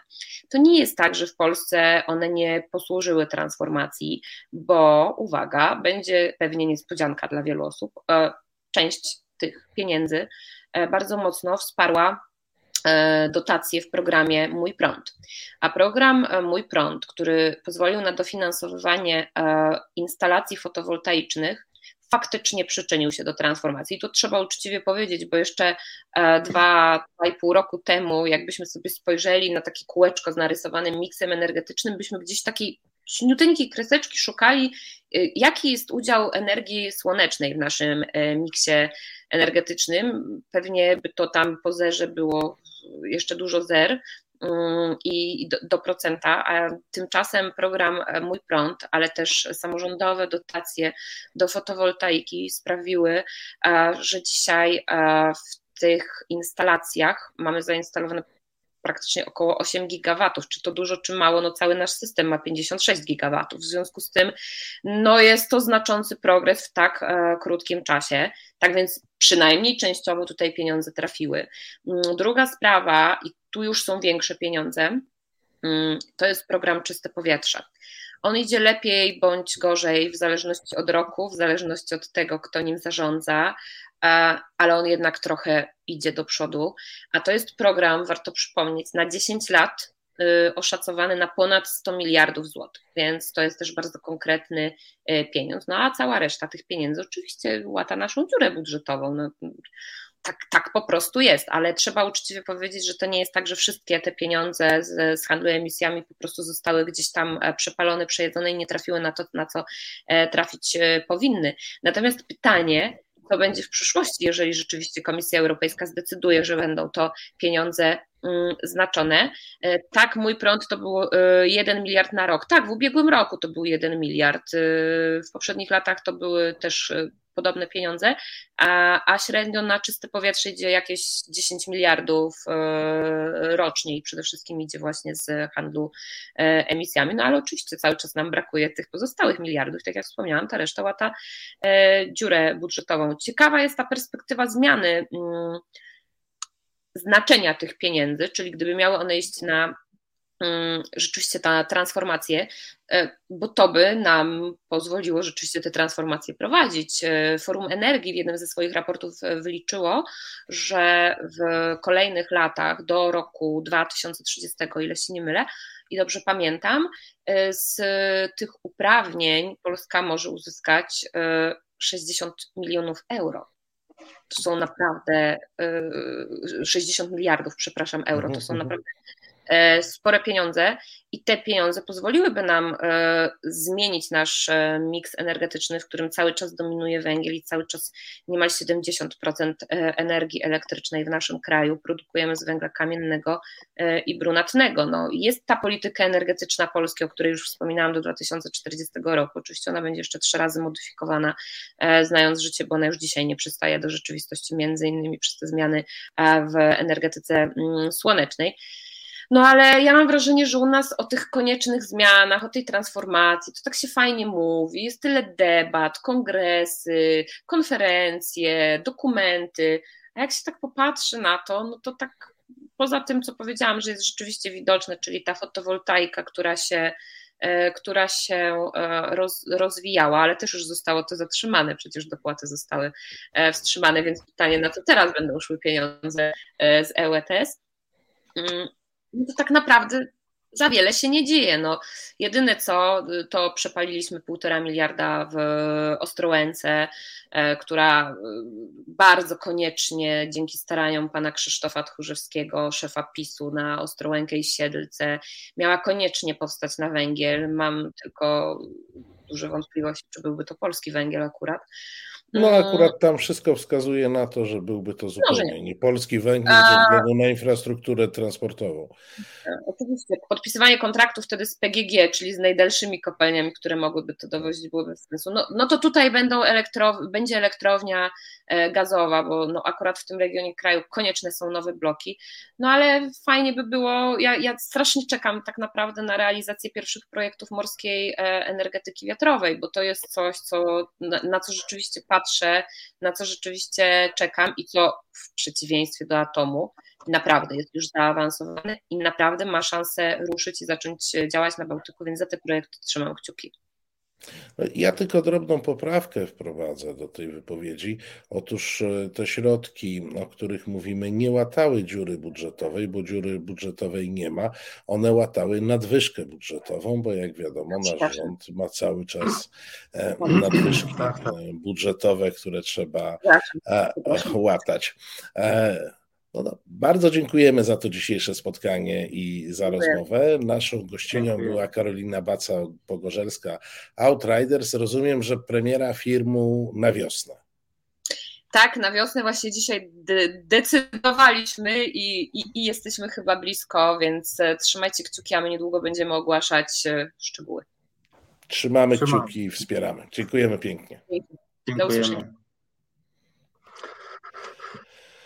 Eee, no i co my mamy powiedzieć? No, sami Państwo widzicie, jak jest 25 dużych baniek, jak to mówili e, niektórzy. No to nie jest tak, że tam z dwie duże bańki nie pójdą na cel, na który są te 25 było przeznaczonych, nie? Więc nie jest tak, tak, e, e, tak jakoś całkiem strasznie, jest tylko jest tylko trochę, e, jest tylko trochę strasznie. E, czy ty byś chciał jeszcze mm, wrzucić jakiegoś polexit newsa, czy już e, spróbujemy wybrać polexitowca? Ależ wiesz doskonale, Marcinie, że zawsze mam nawet nadwyżkę. Dlatego no, jeszcze mm, warto jest zauważyć, bo może mieć to bardzo istotne konsekwencje, że, mm, e, no, że Zbigniew, znaczy, bo, przepraszam, Mateusz Morawiecki próbuje zrobić takie wrażenie, e, które mam nadzieję w przyszłym tygodniu będziemy mogli od razu mm, wszystkim, którzy mają wątpliwości, rozwiać złudzenia. E, mianowicie robi takie wrażenie, że buduje koalicję w sprawie właśnie reformy EU ETS i widział się z premierem Motwy. I to była taka bardzo ciekawa konferencja, bo w zasadzie y, najważniejszym przekazem Mateusza Morawieckiego było to, że rozmawiał z premierem Motwy na temat y, no, zmian ewentualnych, a premier Łotwy w zasadzie tylko kiwnął głową, bo nic więcej od siebie nie dodał. I warto jest to obserwować, bo Mamieni są zwolennicy PiSu jakimś e, możliwym wetem, a żadnego weta, jeśli chodzi o politykę klimatyczną, jeśli chodzi o pakiet e, rozporządzeń, nie, nie rozporządzeń, dyrektyw, przepraszam, e, Fit for 55. No cóż, wiemy, jakie są możliwości. Nie ma takiej możliwości, żeby zawetować, więc nie warto się tutaj no, drogi rządzie, my was widzimy. Nie, słuchaj, może ty nie widzisz takiej mm, możliwości, ale pan Zbyszek może zawsze e, wysłać pismo do budynku Trybunału Konstytucyjnego i się okaże, że e, taka możliwość absolutnie zgodnie z polską konstytucją jest. Czy bierzesz to pod uwagę? No comment. No to chodźmy, przejdźmy do polexitowca. E, czy, czy chciałbyś dzisiaj czymś nas zaskoczyć, czy ja mam zaskakiwać pierwszy? Ty, ty zacznij, bo ciekaw jestem, co tam znalazłeś, a ja będę tak trochę zaskakująco musiał znowu. Ja, ja proszę Państwa, po, ponieważ jak Państwo e, niektórzy wiedzą, ja no wprawdzie od dawna mieszkam w Warszawie, ale ja jestem z prawdziwej Polski.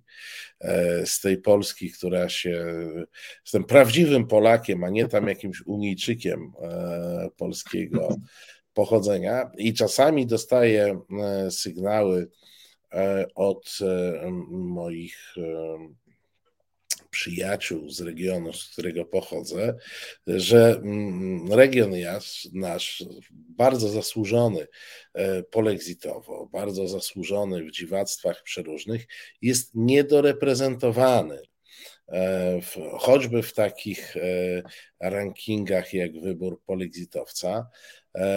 No i z drugiej strony uważam, że i to uwaga do nas obu, że my trochę nie doceniamy intelektualistów pisowskich. Za często skupiamy się e, na politykach, stąd moja kandydatura kandydatura nie wiążąca się z czymś bardzo bieżącym. Ja w tym tygodniu zgłaszam pana profesora Waldemara Parucha. E, to jest swego czasu bliski współpracownik Jarosława Kaczyńskiego e, i PiSu. Mm, to jest profesor mm, e, politologii z UMCS. Swego czasu był centrum, szefem Centrum Analiz Strategicznych. To było coś, takie ciało, które mm, zostało przygotowane to jest takie centrum legislacyjne rządu, które ma się zajmować projektami rząd, wychodzącymi e, z rządu, więc takie bezpośrednie zaplecze merytoryczne. E, I pan profesor Paruch pojawił nam się w mailach Dworczyka, a konkretnie w tych mailach, w których Mateusz Morawiecki zdenerwował się był spotem dotyczącym uchodźców e, z kampanii wyborczej 2018 roku, z kampanii samorządowej, mm, e, pisząc, e, jak Państwo pamiętają, ci, którzy śledzą maile Dworczyka, pisząc, że no nie, no ten spot to trzeba było wcześniej sprawdzić, e, ponieważ, e, ponieważ on jest w sądzie do przegrania, no i on w ogóle ma bardzo zły wydźwięk, niekorzystny i tym podobny. Na co mu odpisał ówczesny szef sztabu, że mm, spot jest dobry, przemyślany, sprawdzony. Pan Tomasz Poręba e, ma na celu mobilizację naszych wyborców i demobilizację e, drugiej strony. No i tutaj włącza się intelektualista, ekspert, e, szef Centrum Analiz Strategicznych, profesor Paruch, który pisze tak. W zupełności pan Tomek ma rację musimy przykryć tematem uchodźców sprawę polexitu, a innego tak mocnego nie mamy. Polacy muszą dyskutować o uchodźcach, a nie o polexicie. To naturalna reakcja na, na, na wczoraj. E, temat polexitu przykrył taśmy PSL, czyli zniszczył nam przekaz tygodnia e, ostatniego przed wyborami. Proszę Państwa, no, pan profesor Paruch nie spodziewał się zapewne, że wszyscy to przeczytamy, e, ale przypomina mi się tekst z pewnej polskiej komedii gangsterskiej, gdzie była mowa: ceńmy naszą młodzież za szczerość, pójdą na studia, nauczą się kłamać. Więc e, ceńmy profesora Parucha e, za szczerość, bo on nam wyłożył istotę narracji uchodźczej PiS. E, narracja uchodźcza PiS polega na tym, żeby przykryć temat polexitu, a innego tak mocnego tematu do przykrycia oni w PiSie nie mają.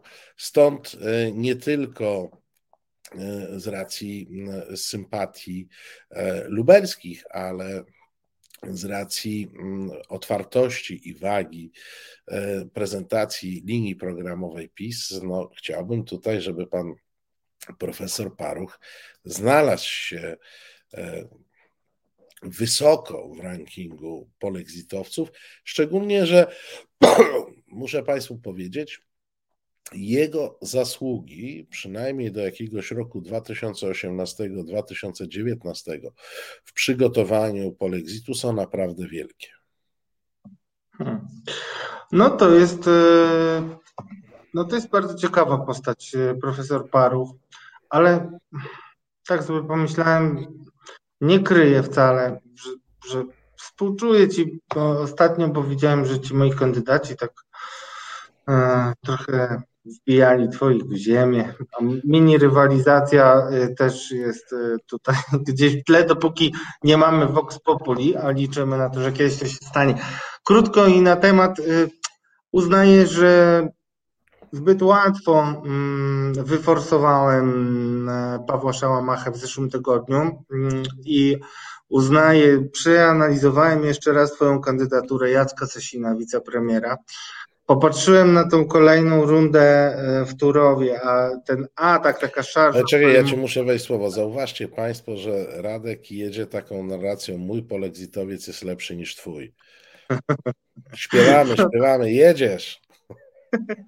Dobrze, no nie, no ja zgłaszam dzisiaj Jacka Sasina. E, trochę za całokształt, e, a trochę pod wpływem e, tego, że powoływał się na niego Paweł Lisicki, naczelny, naczelnego polexitowego tygodnika do rzeczy w swoim wstępniaku. Nie zacytuję, bo już mamy trochę mało czasu Liczę na to, że odnotujemy to też w resecie obywatelskim, ale generalnie, krótko mówiąc, Jacek Sasin mówi o jakiejś trzeciej drodze i to jest e, trzeciej drodze między Zachodem a Wschodem. E, no i to niestety e, wywołuje u mnie dreszcze, albowiem o trzeciej drodze mówił kiedyś Wiktor Janukowycz, zanim ukraińscy Mm, patrioci poszli na Majdan e, i oddali też e, niejednokrotnie życie e, za Unię Europejską, za bycie, za wizję Ukrainy w europejskiej rodzinie. Więc jeżeli mówimy tutaj o jakiejś trzeciej drodze, która ma nie być polexitem, a też ma nie być obecnością w członko w, w Unii Europejskiej, to jest to dla mnie mocno niepokojące. No i tak e, summa summarum, e, te mm, miliony, które będziemy musieli zapłacić, czy to się e, komukolwiek podoba, czy nie, za turów. I też to, że właśnie Jacek Sasin był tym człowiekiem, który w rządzie skutecznie przeciwstawił się dążeniom Mateusza Morawieckiego i minister do spraw klimatu, czyli pani Moskwy, żeby zapłacić jednak te kary, które nałożył CUE, bo to Jacek Sasin wedle informacji medialnych miał to blokować. To wszystko powoduje, że no, powinniśmy dzisiaj moim zdaniem desygnować go do tego tytułu i no i przyznaję Ci, e, Marcinie, że, że kandydaturę trzeba było jeszcze raz rozważyć, aczkolwiek Paweł Szałamacha ze swoim pomysłem 231 e, kodeksu karnego, czyli stalinowski przepis na urzędników, uważam, że naprawdę zasłużył e, w zeszłym tygodniu, ale przynajmniej egzekwo powinni. No ale wiesz co, ten... powiem Ci tak. Mm, Paweł Szałamacha był trochę jak Wojciech Fortuna w skokach, to znaczy skoczył raz. A tak, co, tak, co, tak. trzeba, mm, co trzeba przyznać Sasinowi, on od dawna e, skacze daleko, E, i bardzo równo i zawsze w czołówce. E, więc to było sprytne zagranie, no bo w tej chwili w jaki sposób ja mogę ostro wystąpić przeciwko kandydaturze, którą zgłaszałem zupełnie, e, zupełnie hmm. niedawno. Jacek Sasin jest oczywiście człowiekiem niebywale zasłużonym. W tej chwili mm, w tej chwili jest to, proszę Państwa, faktyczny numer dwa w PiSie, tak. E, a na pewno jest człowiekiem, który trzymajcie się foteli, jeśli będzie to dla Was nowe, usiądźcie, jeśli stoicie. To jest człowiek, który jednoosobowo zarządza polską gospodarką. E, mhm. Jakby strasznie to nie brzmiało, to tak jest.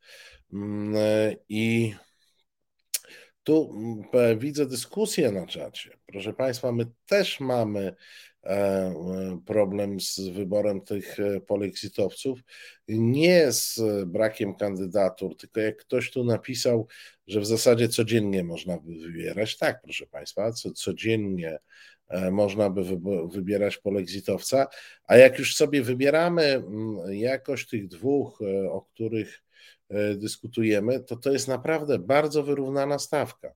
E, tutaj, e, jak mówią komentatorzy sportowi, jakoś tak mi naszło, na tym etapie rozgrywek już nie ma słabych drużyn. To już są sami mocni mhm.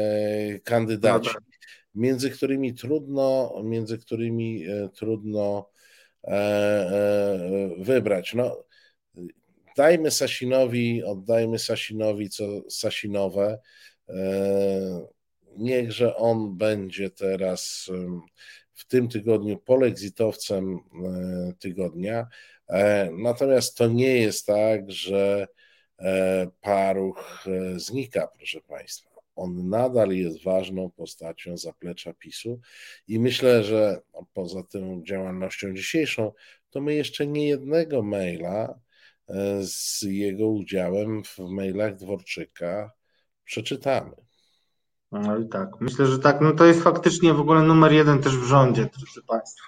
Znaczy, jeśli chodzi o kompetencje, no już nie możemy się rozwijać, bo niestety musimy się ładnie pożegnać, bo już czekają na nas na kolejne spotkania, więc musimy się wyrobić w tym dwugodzinnym czasie, ale Jacek Sasin e, to jest człowiek, który działa w cieniu, ale wypłukuje kolejne e, kompetencje Morawieckiemu, przejmuje kolejne spółki, E, I od siebie mogę powiedzieć, że no, trzeba się przyjrzeć temu konfliktowi o władzę, bo konflikt między Ziobrą a Morawieckim, który tak pochłaniał komentatorów, y, to jest pewna stałka, ale to jest kwestia polityki. Natomiast realne aktywa, które są związane z władzą, przejmują ludzie Jacka Sasina e, i trzeba się temu przyglądać.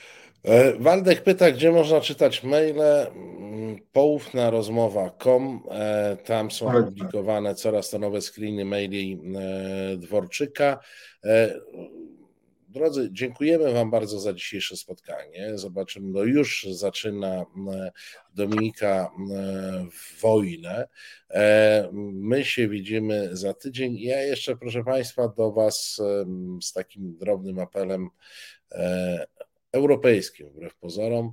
E, zdaje się, że jeśli coś ma się stać e, na Ukrainie, to stanie się w najbliższych e, dniach. Pamiętajcie, że Ukraina jest naszym sojusznikiem, a nie Rosja. I pamiętajcie, że jeżeli tam się zacznie dziać, wszyscy jesteśmy winni taką solidarność i taką, takie wsparcie, na jakie nas będzie stać. Nasz rząd najprawdopodobniej za nas tego E, nie zrobi. I miejmy nadzieję, że ten mój apel nie będzie potrzebny, ale wiele wskazuje na to, że to są najbliższe dni. Dziękujemy Państwu bardzo. Dobrej nocy. Dziękujemy. Zapraszamy na program To jest wojna, który właśnie rusza. Do zobaczenia. Reset Obywatelski.